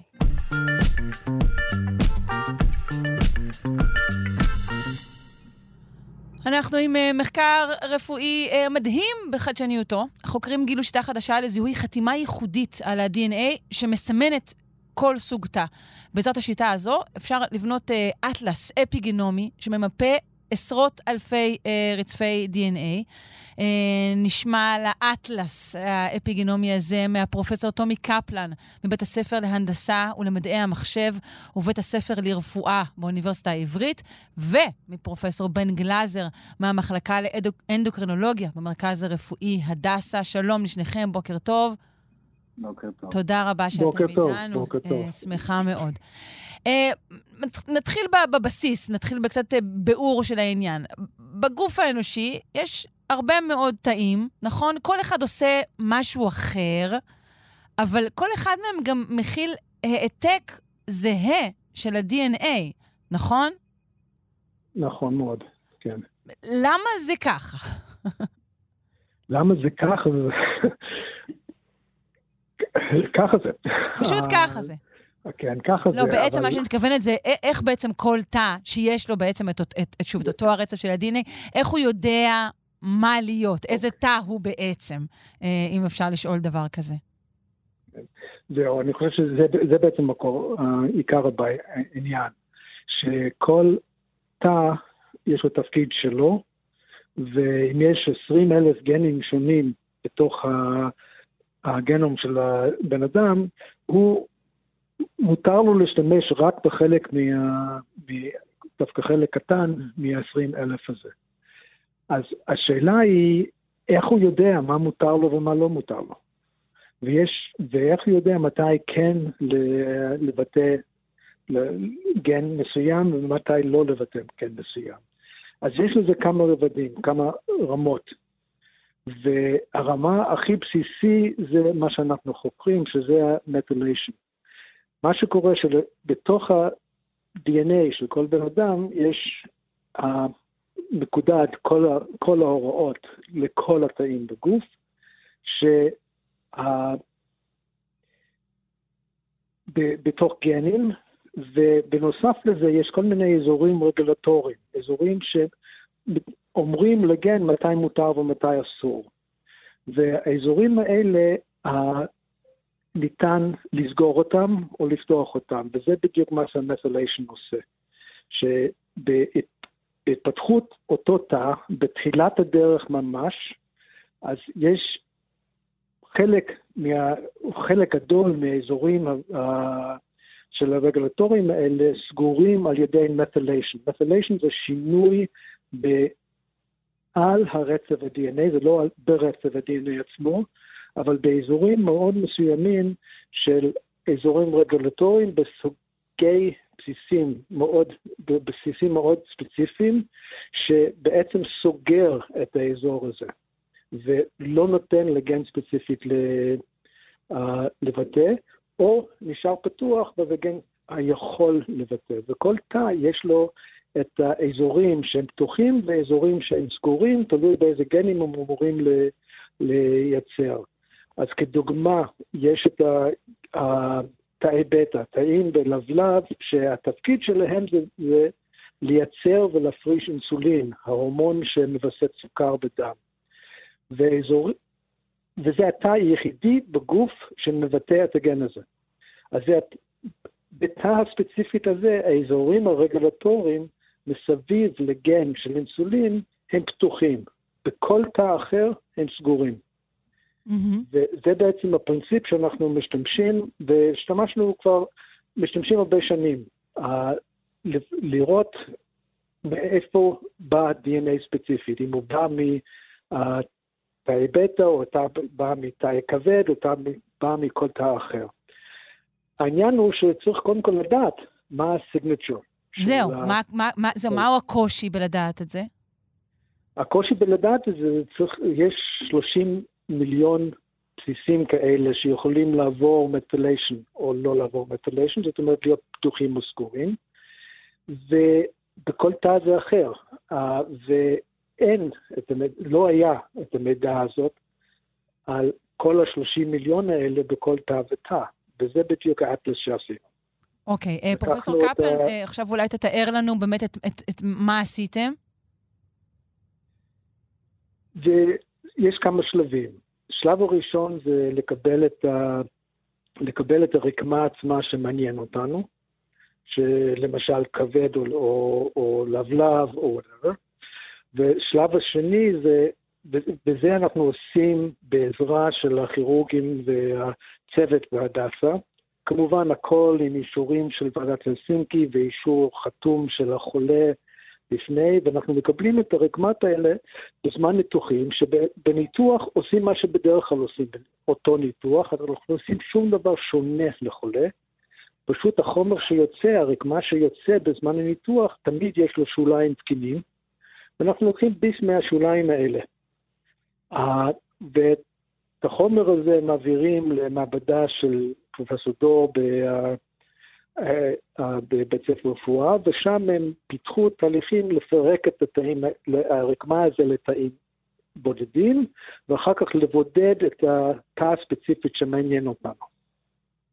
את החומר הזה לוקחים, מייצר, אה, עושים ממנו, מוצאים את ה-DNA, שלחנו את זה לחברת גרייל, שזו חברה ביוטק בסן פרנסיסקו, מתעסק עם הדבר הזה כבר הרבה שנים, הם מוצאים ריצוף, ריצוף של ה-DNA ששלחנו, ושולחים בחזרה את התוצאה של הריצוף.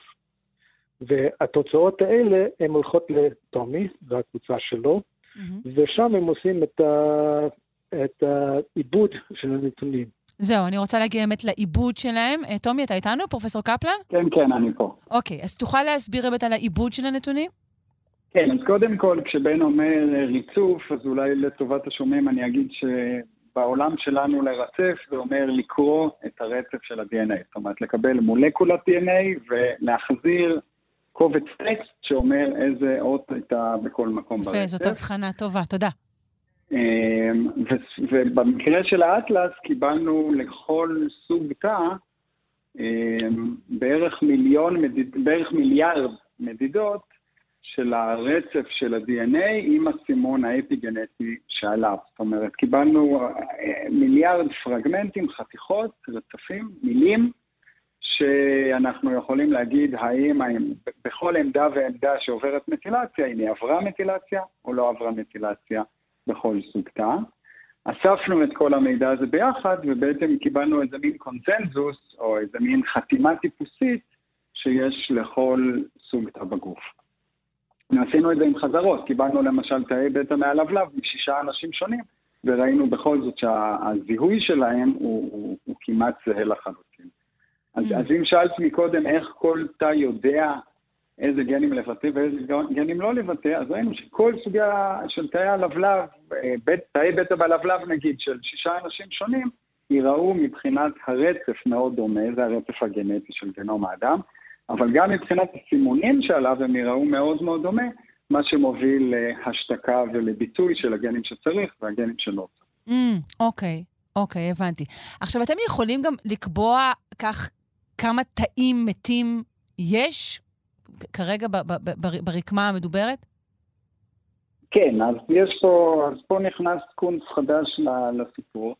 מסתבר שכשמתים, כשתאים מתים בגוף, בדרך כלל הם מתפרקים בתוך הגוף, אבל לפעמים קורה שכשתאים מתים, שברים שלהם, פירורים שנשארו מהתא הזה, מגיעים לזרם הדם ושותים בערך רבע שעה או חצי שעה בזרם הדם עד שמנקים אותם. Uh-huh.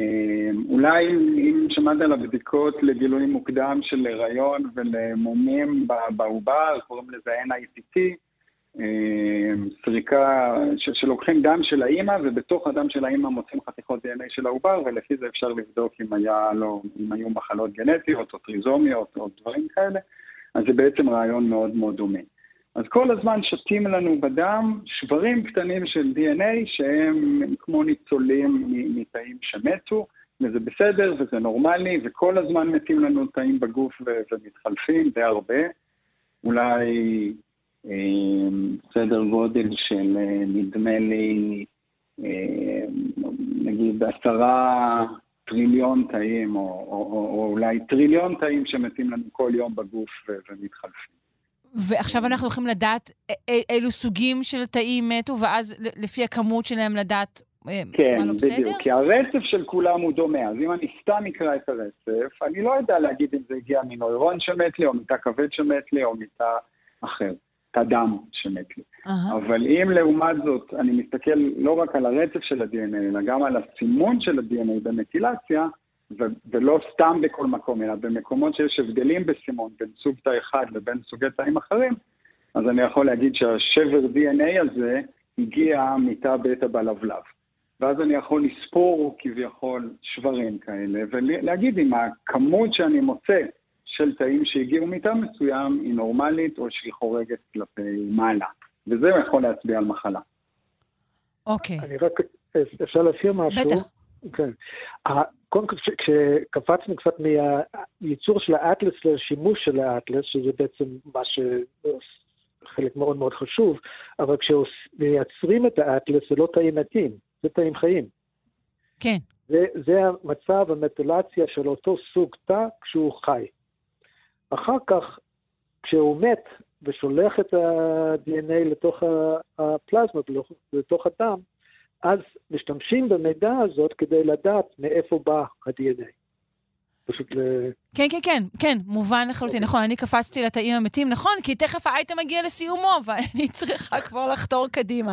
אז אני רוצה לשאול אתכם, אה, אה, מה הלאה אה, בעצם המחקר הזה, ומה אה, אה, יהיו השימושים אה, לגילוי המדהים הזה שלכם? אז אני אתפרץ אה, עם בן ירשני. אה, שימוש אחד זה ביולוגי, שמיפינו את סוגי התאים, מיפינו את המטילציה עליהם, אפשר ללמוד מזה המון על הביולוגיה, אבל איזה אזורים חשובים לכל סוג תא ואיזה לא. השימוש, השימוש השני זה באמת ביישומים של בדיקות DNA, אה, וביחד עם רותי שמר מהדסה ועם המעבדה של יובל דור כמובן, יש לנו כבר היסטוריה של להשתמש בסמנים שמבוססים על מטילציה של DNA כדי לזהות תמותת תאים. יש הרבה חברות, או שתי חברות מאוד גדולות שעושות את זה בעולם של הסרטן, אבל עד היום השוק הזה עוד לא כל כך בא לידי ביטוי במחלות כלליות, ב-DNA שהוא בריא כביכול. אה, ואנחנו מקווים שבזכות המרקרים שהצלחנו להגדיר, אז אפשר יהיה להשתמש בהם כבדיקות גנריות כאלה. להרבה סוגי תאים ולהרבה מחלות, כולל מחלות נוירודגנרטיביות ומחלות ריאות ומחלות כבד וכולי. אה, פרופסור גלייזר, תרצה להוסיף משהו? Yeah, אני רק רציתי להוסיף שהנושא הזה של, ה, של השימוש בסלפי DNA לזהות מחלות שונות ושונות זה משהו שאנחנו כבר עובדים מספר שנים, ומי שמאוד מאוד מאוד חשובה בזה, שזה פרופסור אה, רות שמר, שהיא בעצם חוקרת את העניין של מתיליישן עשרות שנים, והיא המומחית שלנו בכל התחום הזה. וה... והשתמש, והשתמשנו בזה כבר למצבים שונים, גם בפגיעה בכבד, פגיעה ממחלות אחרות, פגיעה ממוח, מגרורות ודברים האלה. האטלס החדש פשוט מאפשר לנו להרחיב את זה עוד יותר לעוד יותר רקמות וגם עוד יותר סמנים, כשלהגדיל את הרגישות והספציפיות של זה. אבל היה לי חשוב מאוד להזכיר את פרופסור שמר, שהיא... מאוד מרכזי בסיפור הזה. כן, אני מודה לך על כך, תודה רבה. אה, אז אנחנו נאלצים להיפרד בשלב זה. אה, נודה לכם על השיחה, אה, פרופ' בן גלאזר מהמחלקה לאנדוקרינולוגיה במרכז הרפואי הדסה, ופרופ' טומי קפלן מבית הספר להנדסה ולמדעי המחשב ובית הספר לרפואה באוניברסיטה העברית. תודה. תודה רבה. תודה לך. תודה לך. תודה.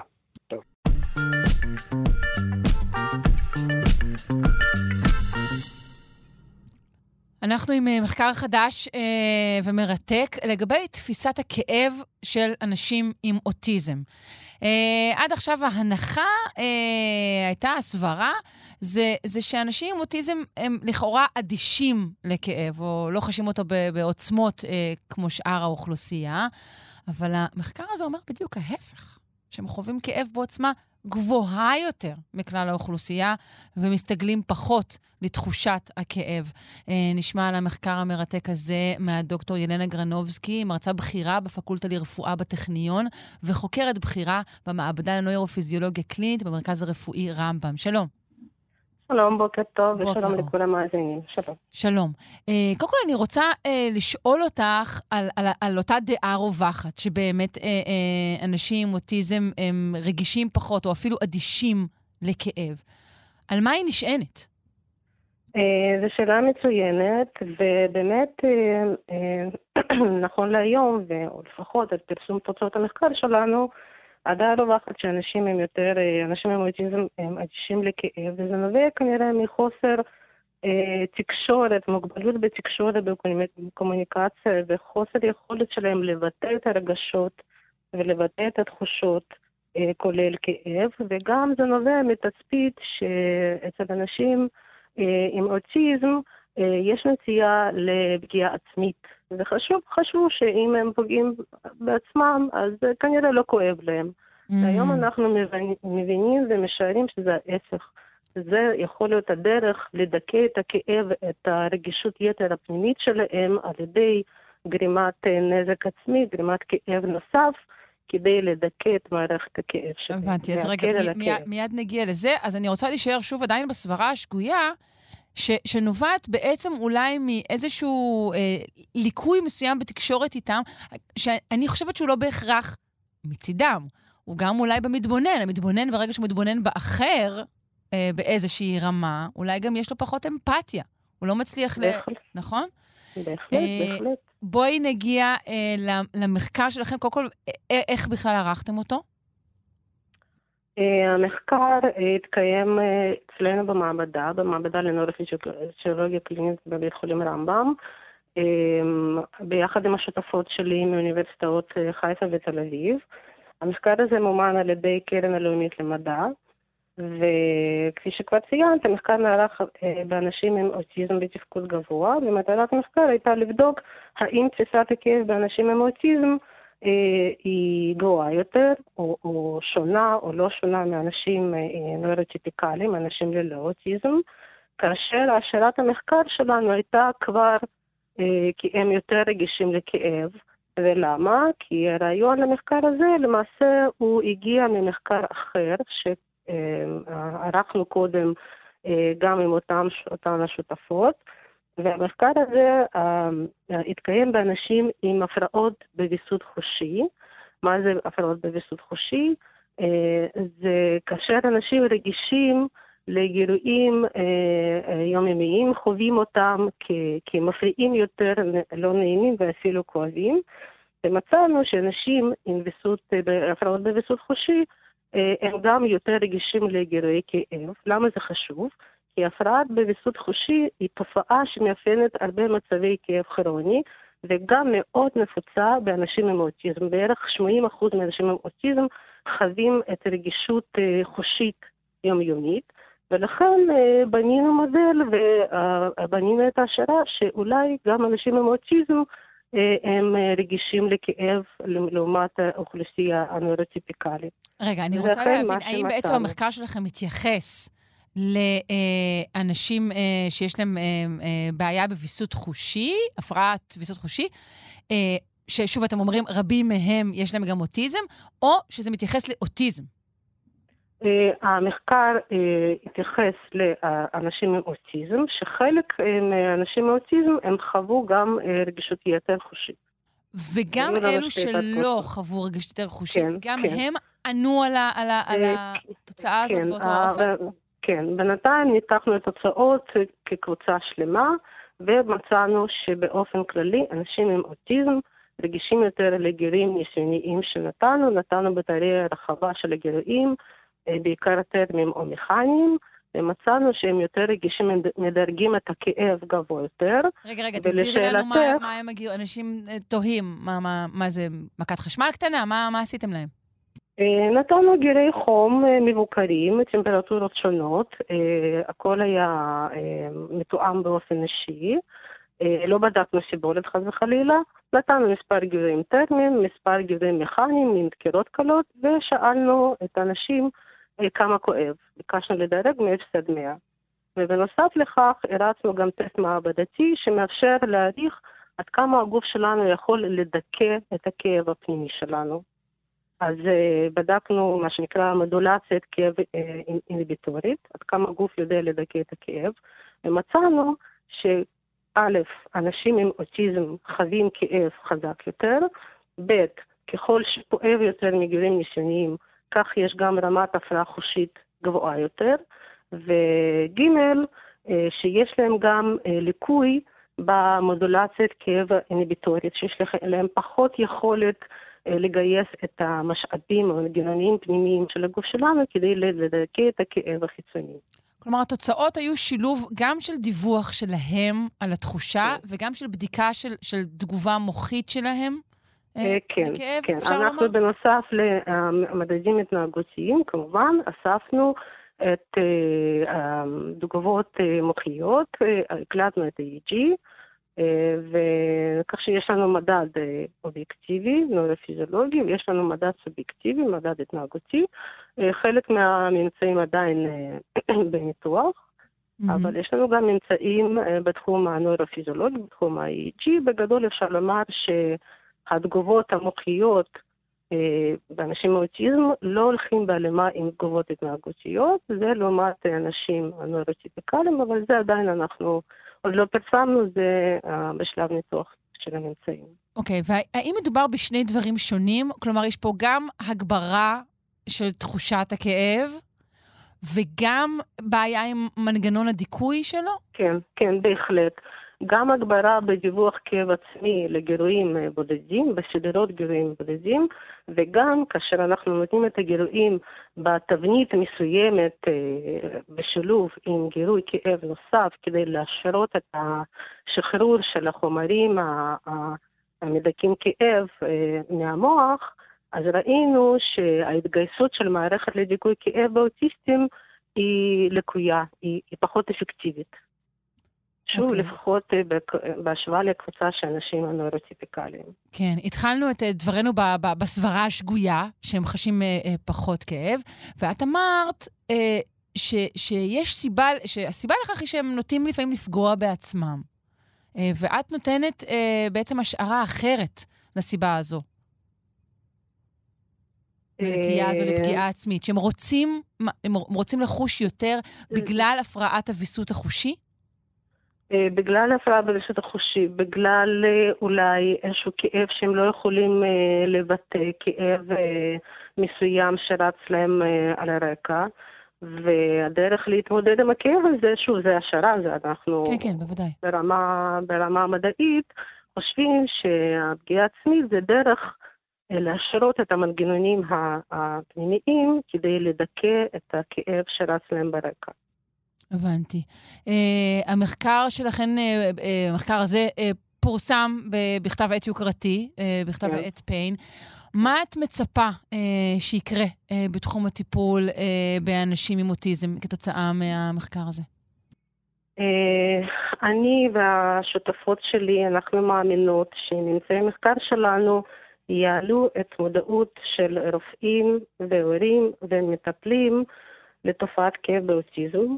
כי שוב, כשאמרת שהדעה הרווחת הייתה שלא כואב להם יותר מאנשים הטיפיקליים, אה, ושזה יוביל לטיפול אפקטיבי יותר על מנת לשפר את איכות החיים שלהם, גם של אנשים עם אוטיזם וגם של אה, בני משפחה שלהם.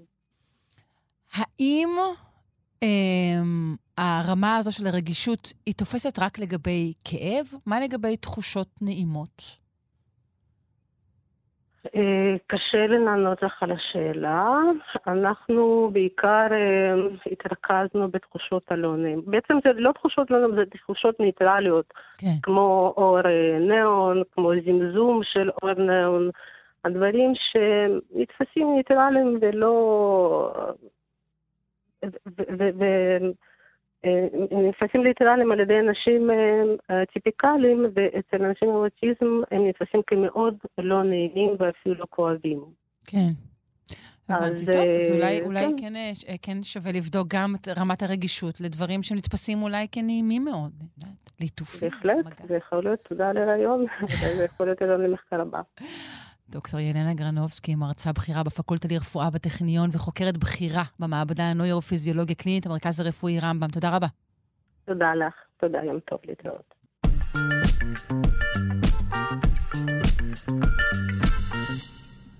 מחקרי עבר העלו כי אנשים עם הפרעת קשב הם בעלי סיכון גבוה יותר לקשיים חברתיים, התנהגויות מסוכנות, אה, ואפילו, רחמנא ליצלן, התמכרויות לסמים קשים. אבל אנחנו יודעים שלא כל מי שיש לו הפרעת קשב, לדעתי מדובר בערך ב-10% מהאוכלוסייה, מידרדר להתנהגות אנטי-סוציאלית. אז מהו הגורם הנוסף?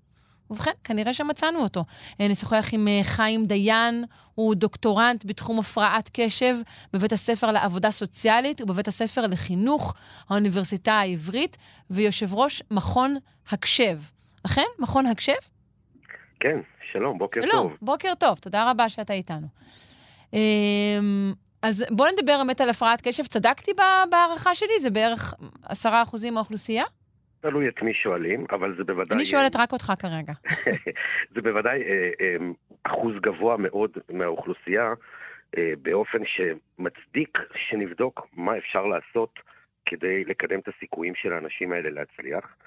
למרבה הפלא, נחקר הרבה אודות דברים שמפריעים או גורמי סיכון, פחות יש מחקר, ויש על זה ביקורת בספרות, על מה כן עובד, מה כן עוזר לאנשים עם הפרעת קשב להצליח, כאשר אנחנו יודעים שיש גורמי סיכון, כמו שציינת, התנהגות אנטי-סוציאלית. סמים. מה, מה אחוזי ההתאמה, נגיד, פחות או יותר, מה אחוזי הסיכון של אנשים בעלי הפרעת קשב להידרדר ל, אה, לכל המרעין הבישין הללו? אם, אם נרצה לחלק את זה באופן גס, אז 20% מהאנשים יעברו את ההפרעה אה, בשלום, 20% ייפגעו ממנה קשות, והיתר אה, ייפגעו, אך לא בצורה משמעותית. הנקודה היא לא ההפרעה, הנקודה היא האופן שאנחנו מתמודדים איתה.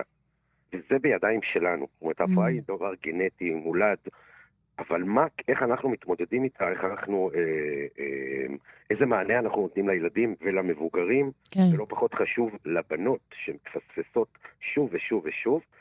אה, המענה שאנחנו נותנים הוא הסיפור המעניין פה. רגע, אמרת שהבנות מתפספסות שוב ושוב ושוב? כן, זו אחת הבעיות מהמם. כי גם ההפרעה פוגעת בהן יותר, רק היא מתבטאת בצורה כזאת שפחות מעודדת את המערכות אה, לזהות ולתת מענה. למה? זה ולכן- בגלל אה, נטייה ל- להציג איזה קו מיושר? זאת צייתנות לכאורה שהיא אינהרנטית לבנות? יכול להיות שזה אחת הסיבות. אפשר לחשוב על, על סיבות נוספות, אולי זה נתפס גם כ, כ, כפרופיל שיותר, אה, אה, שם יותר משוייך לבנים. אה, בוא נאמר ככה בשפה ציורית, אם אנשים עם הפרעת קשב הם עגולים יותר ופחות נכנסים למערכות המרובעות, או פחות מסתברים עם הריבוע, כשיש אינטראקציה הזאת בין העיגול לריבוע, הב- הבנות, התמונה נראית אחרת. הן Mm. לפעמים נכנעות לריבוע ולא משתלבות איתו. ואז כן. ה- הקשיים, האבחונים, מתגלים דווקא בגיל אה, מאוחר יותר אה, ופחות בגיל צעיר, וזאת אה, בעיה ששווה לעשות עליה ממש שיחה בפני עצמה. נכון, אה, אה, נכון. ו- אני רוצה רק לפני זה לשאול גם את השאלה ההפוכה, האם בקרב אנשים שהם, לצורך העניין, נגיד בבתי כלא, אנחנו רואים אחוזים גבוהים יותר של בעלי הפרעות קשב? או שאנחנו בכלל לא בודקים את זה?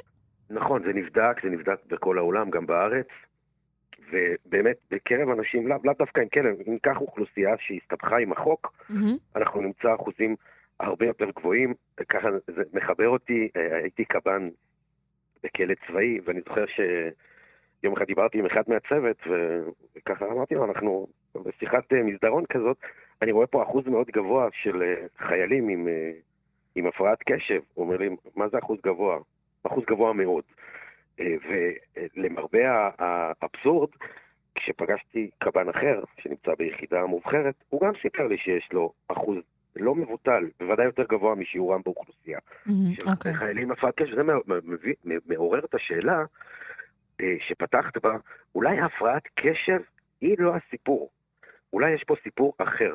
תחשבי שהיינו, אה, נגיד, בואו בוא ניקח אה, דוגמה של לחץ דם. אנחנו יודעים שלחץ דם הוא קשור למחלות לב. אז אם רואה, רופא מזהה לחץ דם, הוא יציע תרופות כדי אה, למתן את הלחץ דם.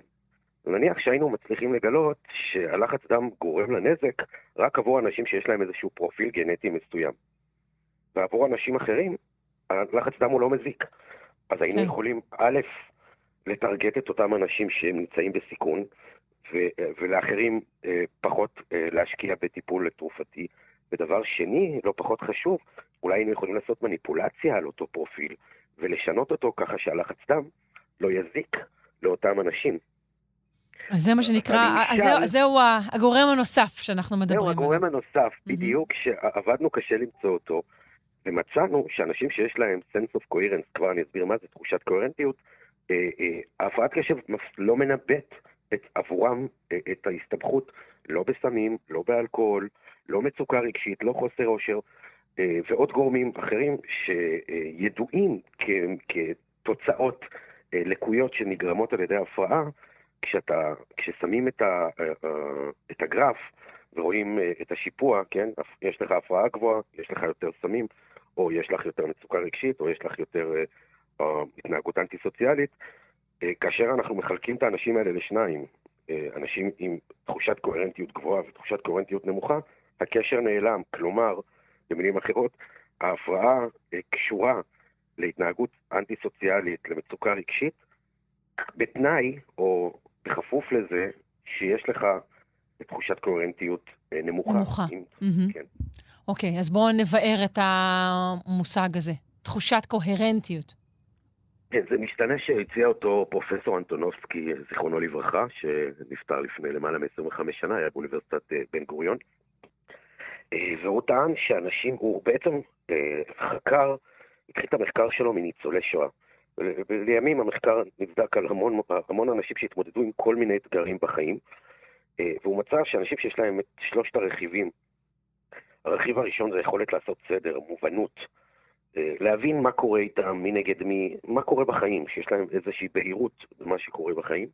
הרכיב השני אתה מתאר משהו שהוא, שהוא אה, אה, קשור לאינטליגנציה ושכל, או, או משהו שקשור לרוח יותר?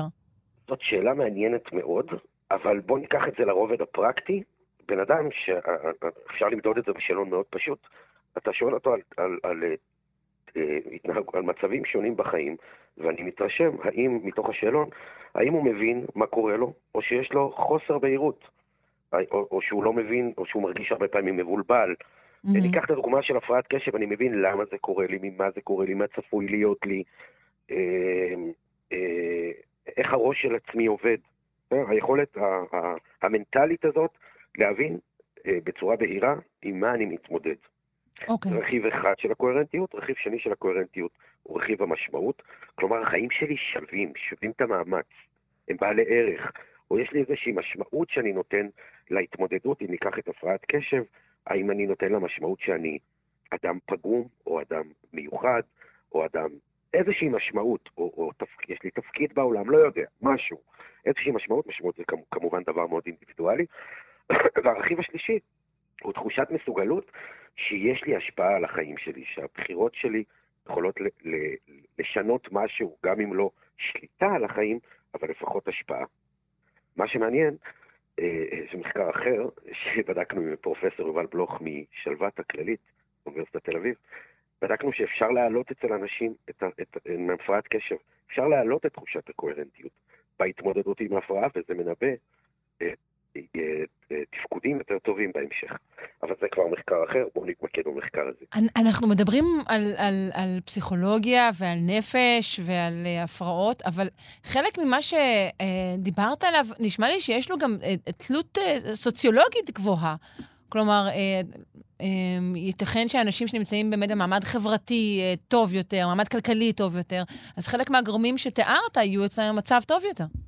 אנחנו שלטנו, זה, זה בהחלט אה, אפשרות, אנחנו שלטנו על הרבה משתנים, וראינו שגם כששולטים, ניקח דוגמה, שולטים על מגדר, כן, מגדר הוא מנבא מאוד מאוד מובהק לעבריינות, גם אחרי שליטה על מגדר, על גיל, אנחנו עדיין רואים שתחושת קוהרנטיות היא חזקה, היא, היא מנבאת מאוד חזק uh, את, ה, את היכולת התמודדות עם הפרעת קשב, מבלי שהפרעת קשב אה, תגרום לנזקים החמורים שכרוכים בה, צריך לציין שזה מחקר חתך, זה לא מחקר אורך. כן. צריך עוד לבדוק את זה במחקר mm-hmm. אורך, לדעת סידתיות וכולי, אבל כבר אנחנו יודעים איפה יש נפט. לפחות שווה לבדוק, שווה לחקור. ואיך אנחנו יכולים אה, להגביר את התחושה הזו? באילו אופנים?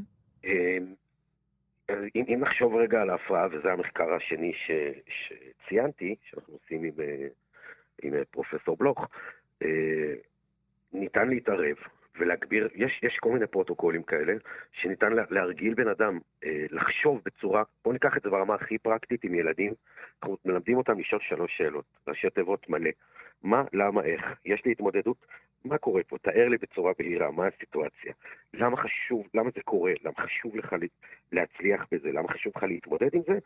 ואיך אתה תראה לי שאתה, לפחות בדברים בהקשרים אחרים, התמודדת עם זה. איך תתמודד עם זה, כאשר האיך הוא מדגיש את תחושת המסוגלות. הפרעת קשב, שלושת הרכיבים האלה נפגעים. הרכיב של הבהירות, של הסדר, של מה קורה לי, הרבה פעמים חסר מידע. בכלל, תחשוב על זה שהפרעת קשב מוסברת לנו כיום על דרך השלילה, על מה לא עובד, ולא מה כן עובד. לא על דרך החיוב. כן, טוב, מה... אולי, אולי לא נקרא לה יותר הפרעת קשב, זה יעזור. זה, זה יכול להיות, אבל היא מפריעה. כן. באמת מפריעה, אבל אפשר לדבר באופן פוזיטיבי על, ה, על החוויה, חוויית החירות שעומדת בבסיס ההפרעה. אפשר לדבר על המשמעות ש, שיש משהו בחירות הזאת, שהיא, שאני לא מכניס את עצמי לריבוע, לתבניות, שהיא מאוד אנושית. היא, היא ההפך מלהיות מכני. ובוודאי שגם אנשים עם הפרעת קשב, כשאתה מסתכל, אפשר להראות להם בעצמם הרבה תחומי חיים שבהם הם, אה, הם כן מסוגלים וכן מצליחים, ואנחנו בעצם עושים העתק הדבק, הנה, מפה, מהצלחה א' להצלחה ב', ובהחלט יש עוד פרוטוקולים חוץ מהפרוטוקול הסט, זה שעכשיו סיפרתי לך עליו, הוא סלוטוגני אקזיסטנציאלי, יש עוד פרוטוקולים שקיימים בעולם, אה, בעיקר בעולם הרפואה, כדי להגביר תחושת קוהרנטיות של אנשים, וזה ידוע בכל העולם כמנבא התמודדות טובה יותר ממשברים אה, כמו שנחקר פה בארץ על, אה, על אירועים ביטחוניים שהיו בצפון בדרום, אה, מחלות שמביאות את האנשים למצוקה רגשית, אה, מלחמות וכיוצא, וככה משתנה שהוא מאוד מוכר בעולם, אה, אבל הוא כמעט לא נחקר על הפרעת קשב. אז אמרנו, אולי זאת החוליה החסרה. כן. אז בדקנו את זה על למעלה משלושת אלפים נבדקים, וראינו שממש הגרף, ברגע שאנחנו מכניסים את הקוהרנטיות, הגרף משתתח, כלומר ההפרעה מפסיקה לנבא סמים, אלכוהול, התנהגות של אלימות, התנהגות של עבירות על החוק, חוסר עושר, מצוקה רגשית ועוד משתנים רבים. אה, כלומר, הפרעת קשב כשלעצמה, בלי המשתנה הזה של מה שאנחנו מכנים תחושת קוהרנטיות, היא כשלעצמה לא, לא מנבאת או לא גורמת התנהגות אנטי-סוציאלית למיניה, נכון? במחקר הזה... במחקר הזה, זה מה שנמצא. כן, זה מה שרואים, כן. יפה, מעניין. לבדוק את זה בעוד אוכלוסיות, בעוד, אה, בעוד קבוצות, אבל כן, זה, זה ממצא שבעיניי הוא מאוד מאוד משמעותי, אה, משום שהוא אומר, אה, הוא מצטרף לקו שמתחיל לעלות בספרות בשנים האחרונות, שאומר, די, מצאנו הרבה דברים על השלילה. לא, לא שזה רע, זה חשוב לדעת איזה נזקים יש, איזה גורמים מחמירים את הסיכון, אבל בואו נתחיל לחפש מתחום הפסיכולוגיה החיובית משתנים שיכולים למנוע את הסיכון, שיכולים לצמצם אותו. ו, וזה מה שחשוב, כי אפשר גם לתרגם את זה בסופו של דבר, מעבר לידע האקדמי, גם לפרקטיקה. כן, לחלוטין. טוב, יפה. אה, נשמח כמובן אה, לשמוע על אה, מחקרי המשך שתערכו. אני מודה לך מאוד, חיים דיין. תודה רבה. אני רוצה לציין אה, את אה, שיתוף הפעולה המיוחד בין אה, בתי הספר באוניברסיטה, את המנחה שלי, פרופסור יהודה פולק, מומחה להפרעת קשב וקבלת החלטות, והמנחה אה, מבית ספר לעבודה סוציאלית, פרופסור אה, מונה חורי, סגנית נשיא האוניברסיטה. אה, פרויקט ייחודי. תודה רבה. תודה רבה, חיים דיין, דוקטורנט בתחום הפרעת קשב בבית הספר לעבודה סוציאלית ובבית הספר לחינוך, האוניברסיטה העברית, וגם יושב ראש מכון הקשב. תודה. תודה רבה גם לכם. יום, יום טוב.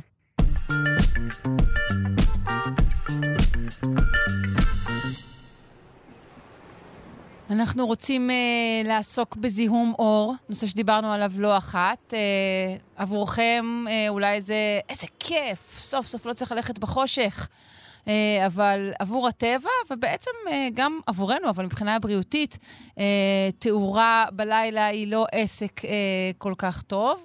אבל יש גם פתרון, אלו החדשות הטובות. נפנה לדוקטור עדי לוי, חבר הוועד המנהל של האגודה הישראלית לאקולוגיה ולמדעי הסביבה וראש החטיבה לסביבה וקיימות במכללה האקדמית אחווה. שלום. שלום, מה שלומכם? אנחנו בסדר, ואתה? נהדר. יפה. אה, בואו נרחיב מעט על אה, זיהום אור, שהוא תופעה רחבה. בהחלט, כן. אז זיהום קודם כל, מה זה בכלל? זה נשמע קצת מוזר לפעמים, אנחנו מדברים על זיהום אוויר, זיהום מים, זיהום קרקע. הזיהום אור הוא בעצם נובע מתכנון לקוי אה, של תאורה, שהופכת בעצם איזשהו משאב שמשמש אותנו בלילה להערה של דרכים, של, אה, של אזורים מסוימים שאנחנו אה, זקוקים להם, זקוקים לשימוש בהם. אה, למטרד בעצם, כי האור במקום להיות ממוקד באזור שבו הוא צריך אה, להאיר, מאיר את השמיים, מאיר את הסביבה הרחוקה שלו, ובעצם אה, ההגדרה הכי פשוטה זה הארה במקום, בזמן או בעוצמה שאינם נדרשים בעצם. רגע, עדי, היית כולל בתוך ההגדרה של זיהום אור גם את זה שאנחנו שוב, אנשים חסרי אחריות עלולים לשבת אה, בלילה ו- ולגלול את מכשירם אה, לעייפה ולהיחשף כך לאור של מסך?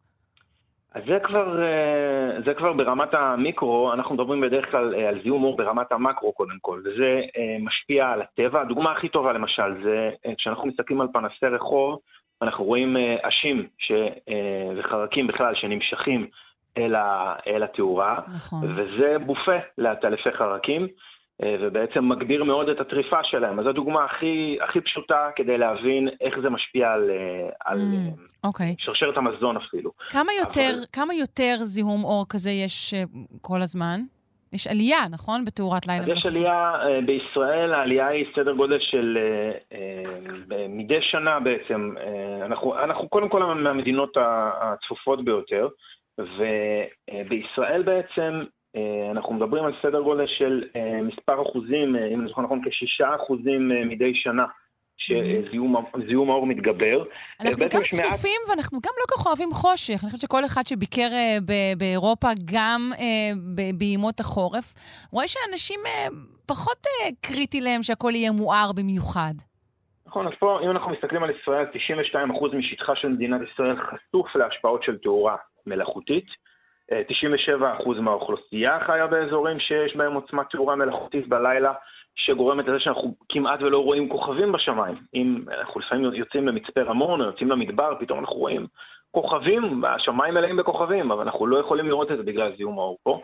ובעצם מעבר להשפעות על בעלי חיים, זיהום האור משפיע על הבריאות שלנו, על הפרשת מלטונין, בעצם מעכב הפרשת מלטונין, שאחראי, הורמון שאחראי בעצם להרבה מאוד תהליכים אצלנו בגוף, אה, זה אה, חלק מהשעון הפנימי שלנו, ומיד נדבר על מחקר שבדק את זה.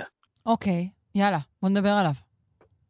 אוקיי, okay, אז אה, בעצם מדובר במחקר שנערך בסין לאחרונה, ובדקו קודם כל מהי החשיפה של אנשים צעירים, אנשים צעירים בגיל 400 אה, משתתפים בגילאים, אה, בגילאים 16 עד 22. בעצם מהי החשיפה שלהם לאור, וכמו שאמרת, אור שנובע מחדר השינה ממש, מטלוויזיה, מתאורה, ממנורות לילה, ממסכים, טלפונים, טאבלטים וכו'. ורצו לראות מהי עוצמת התאורה שנחשפים בגילאים האלה, קודם כל מכיוון שצעירים בגיל הזה רגישים יותר לאור, העין שלהם הכי רגישה בעצם לאור, ולכן חשיפה גבוהה לאור יכולה להשפיע עליהם יותר. ובעצם רצו לראות איך זה משפיע על החשיפה, משפיע על לחץ הדם שלהם, האם אה, אה, נראה איזשהו קשר ליתר לחץ דם, ובעצם תיעדו באמצעות, אה, נתנו להם שעונים למדוד, למדוד דופק, מדדו להם לחץ דם, השעונים גם מדדו את עוצמת הפעילות הגופנית שלהם והיקף הפעילות הגופנית, ו, ונתנו להם מד, מד אור, בעצם מד אור ניסה שהם יכולים לקחת איתם ושמדד את ה... אה, תאורה בחדרי השינה. דרך אגב, בחדר שינה יכולה להיות גם תאורה מבחוץ, למשל פנסי רחוב. או רכבים שמאירים לנו לתוך החדר. כן, אני תמיד חושבת על האנשים שיום אחד בבניין מולם אה, הוצב נגיד אה, שלט המפאר את שמו של הקבלן, או דברים כאלה, או סתם שלט פרסומת. יש את המסכי ענק האלה עכשיו ש... והם פשוט כן. מקבלים את זה. כן, יאללה, אור היסטרי מול החלון. אה, יש פרק כזה בסיינפלד דרך אגב, אבל אה, אם נחזור למחקר, אה, בעצם מה, ש, מה שהם מצאו זה שקודם כל בדקו, כמו שאמרנו, את השפעת זיהום האור בתוך חדר השינה על הפיזיולוגיה של אותם משתתפים, על, על לחץ הדם, על קצב הלב וכו', ומה שנמצא בעצם זה ש... אותם משתתפים ביצעו פעילות גופנית בינונית עד עצימה במהלך שעתיים ביום, שעתיים ומעלה ביום, שזה דרך אגב זה המון, אבל שעתיים ביום, אה, פעילות אה, גופנית עצימות בינונית או גבוהה, זה יכול להיות אימון, אימון בעצימות גבוהה, ריצה, אופניים, פעילויות כאלה. בעצם אותם משתתפים, לא נמצא אצלהם, לא נמצא אצלהם עלייה משמעותית אה, בלחץ, ה, בלחץ הדם. אה, ולעומת זאת, 8% ממי שנחשפו לתאורת לילה שגבוהה מפי שלוש מאור הירח, בעוצמתה סבלו מיתר לחץ דם. היו גם אחוזים בודדים, שלושה אחוזים מהמשתתפים ש... רגע, כלומר באופן עקרוני, כל, כל הצעירים אה, אה, עלולים, אלו שנחשפים לתאורת לילה, עלולים לסבול מיתר לחץ דם. אה, אבל אלו מהם שלא עשו, עסקו בפעילות גופנית של שעתיים ומעלה ביום, שזה באמת הרבה, אז, אז ההשפעה של זיהום האור עליהם הייתה חמורה יותר, כן? נכון, בעצם נמצא, נמצאו, הקבוצה שנחשפה ליותר אור, נמצא ש-8% מהם אה, היו עם אה, יתר לחץ דם, לעומת 3% באוכלוסייה הכללית שלא אה, היו mm-hmm. חשופים אוקיי. לעוצמת אור גבוהה. זה אומנם אין פה אחוזים, אה, אה, פער אדיר, אבל זה משמעותי בטח בגיל הזה. זה פער משמעותי, בוודאי. כי מחלות, אה, אנחנו יודעים שמחלות לב, מחלות כלי דם מתפתחות במהלך שנים רבות, ולכן אם אנחנו יכולים להפחית יתר לחץ דם, אה, כבר מגיל צעיר, בטח שנובע מהשפעות חיצוניות כאלה, אז, אז זה מבורך. אז אנחנו אומרים, או שתעשו למעלה משעתיים ספורט ביום, או שתדאגו לחושך. בעצם זה פחות או יותר. גם וגם, האמת, אבל לא חייבים שעתיים כן. ביום, כן, שעתיים ביום זה המון. אבל לשמור על, על כושר, אנחנו יודעים שיש לזה, אה, אפילו בסביבות שהן יחסית עם זיהום אוויר אה, לא מבוטל, עדיין היתרונות הבריאותיים של אה, פעילות גופנית בחוץ עולים על הנזקים של זיהום האוויר. אז אנחנו יודעים שפעילות גופנית היא דבר טוב בכל מקרה. כן? בכל מקרה, כמעט כן, בכל אבל מצב. אבל יש לציין פה, כי לא כך, לא, לא עמדנו על כך, זה לא שהפעילות הגופנית מפרישה משהו שגורם לאור לא לחדור באותו האופן אל גופנו. זה פשוט מתקז... הנזק מתקזז, נכון? משהו כזה, כן, אבל uh, האמת שמה שלא מתקזז כנראה, uh, זה, ולא בדקו פה, uh, הרי אם אנחנו מעכבים הפרשת מלטונין, אז אנחנו עלולים לסבול מקשיים להירדם ומשיבושים של תהליכים נוספים בגוף, ככה ש, שבעצם הדבר הטוב ביותר בהקשר הזה של זיהום אור, זה אה, קודם כל לא להיחשף לאור חזק אה, בשעות שלפני השינה, לנסות לעמעם את האורות. אה, מסכים, בכל ה... גם בווינדוס וגם בטלפונים היום יש אפשרות לשנות את גווני התאורה לאור צהוב יותר, אור חם יותר. שזה כמובן מומלץ, ובכלל, בנושא הזה של זיהום אור, אחד הדברים החשובים זה לצמצם חשיפה לאור כחול. אז אם יש לנו בבית תאורה לבנה ותאורה צהובה, עדיף להשתמש אה, בלילה בתאורה, אה, אם זה תאורת לד, אז אה, כל מה שהוא פחות מ-3,000 קלווין, 2,700 ומטה, בעצם אור שהוא צהוב. וכשמדובר על ממש לפני השינה, אז שוב לצמצם בכמה שאפשר את החשיפה לאור. ויותר מזה, בחוץ, הרשויות המקומיות, אם יש פנסים שהם מאירים לנו לתוך הבית, כמובן כן. אפשר להתלונן בנושא, או פשוט לטפל בהצללה על החלון. אנחנו גם שוב קוראים, לא הפעם הראשונה, לרשויות שבשטחן יש קניונים שמשום מה מוארים כל הלילה, קניונים ופאוור סנטרים, שבאים להכריז על עצם קיומם, פשוט לסגור את האור. אה, דוקטור עדי לוי, חבר הוועד המנהל של האגודה הישראלית לאקולוגיה ולמדעי הסביבה וראש החטיבה לסביבה וקיימות במכללה האקדמית אחווה. תודה רבה לך. תודה לכם. שינה טובה. ביי. בהחלט, ביי.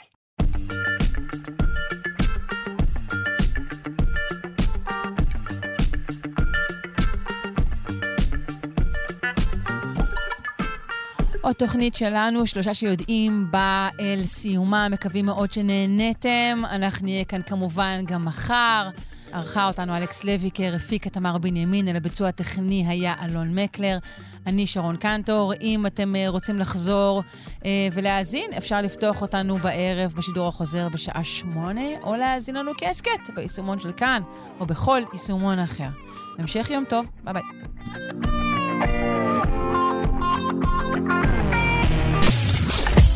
אתן מאזינות ואתם מאזינים לכאן הסכתים. כאן הסכתים, הפודקאסטים של תאגיד השידור הישראלי.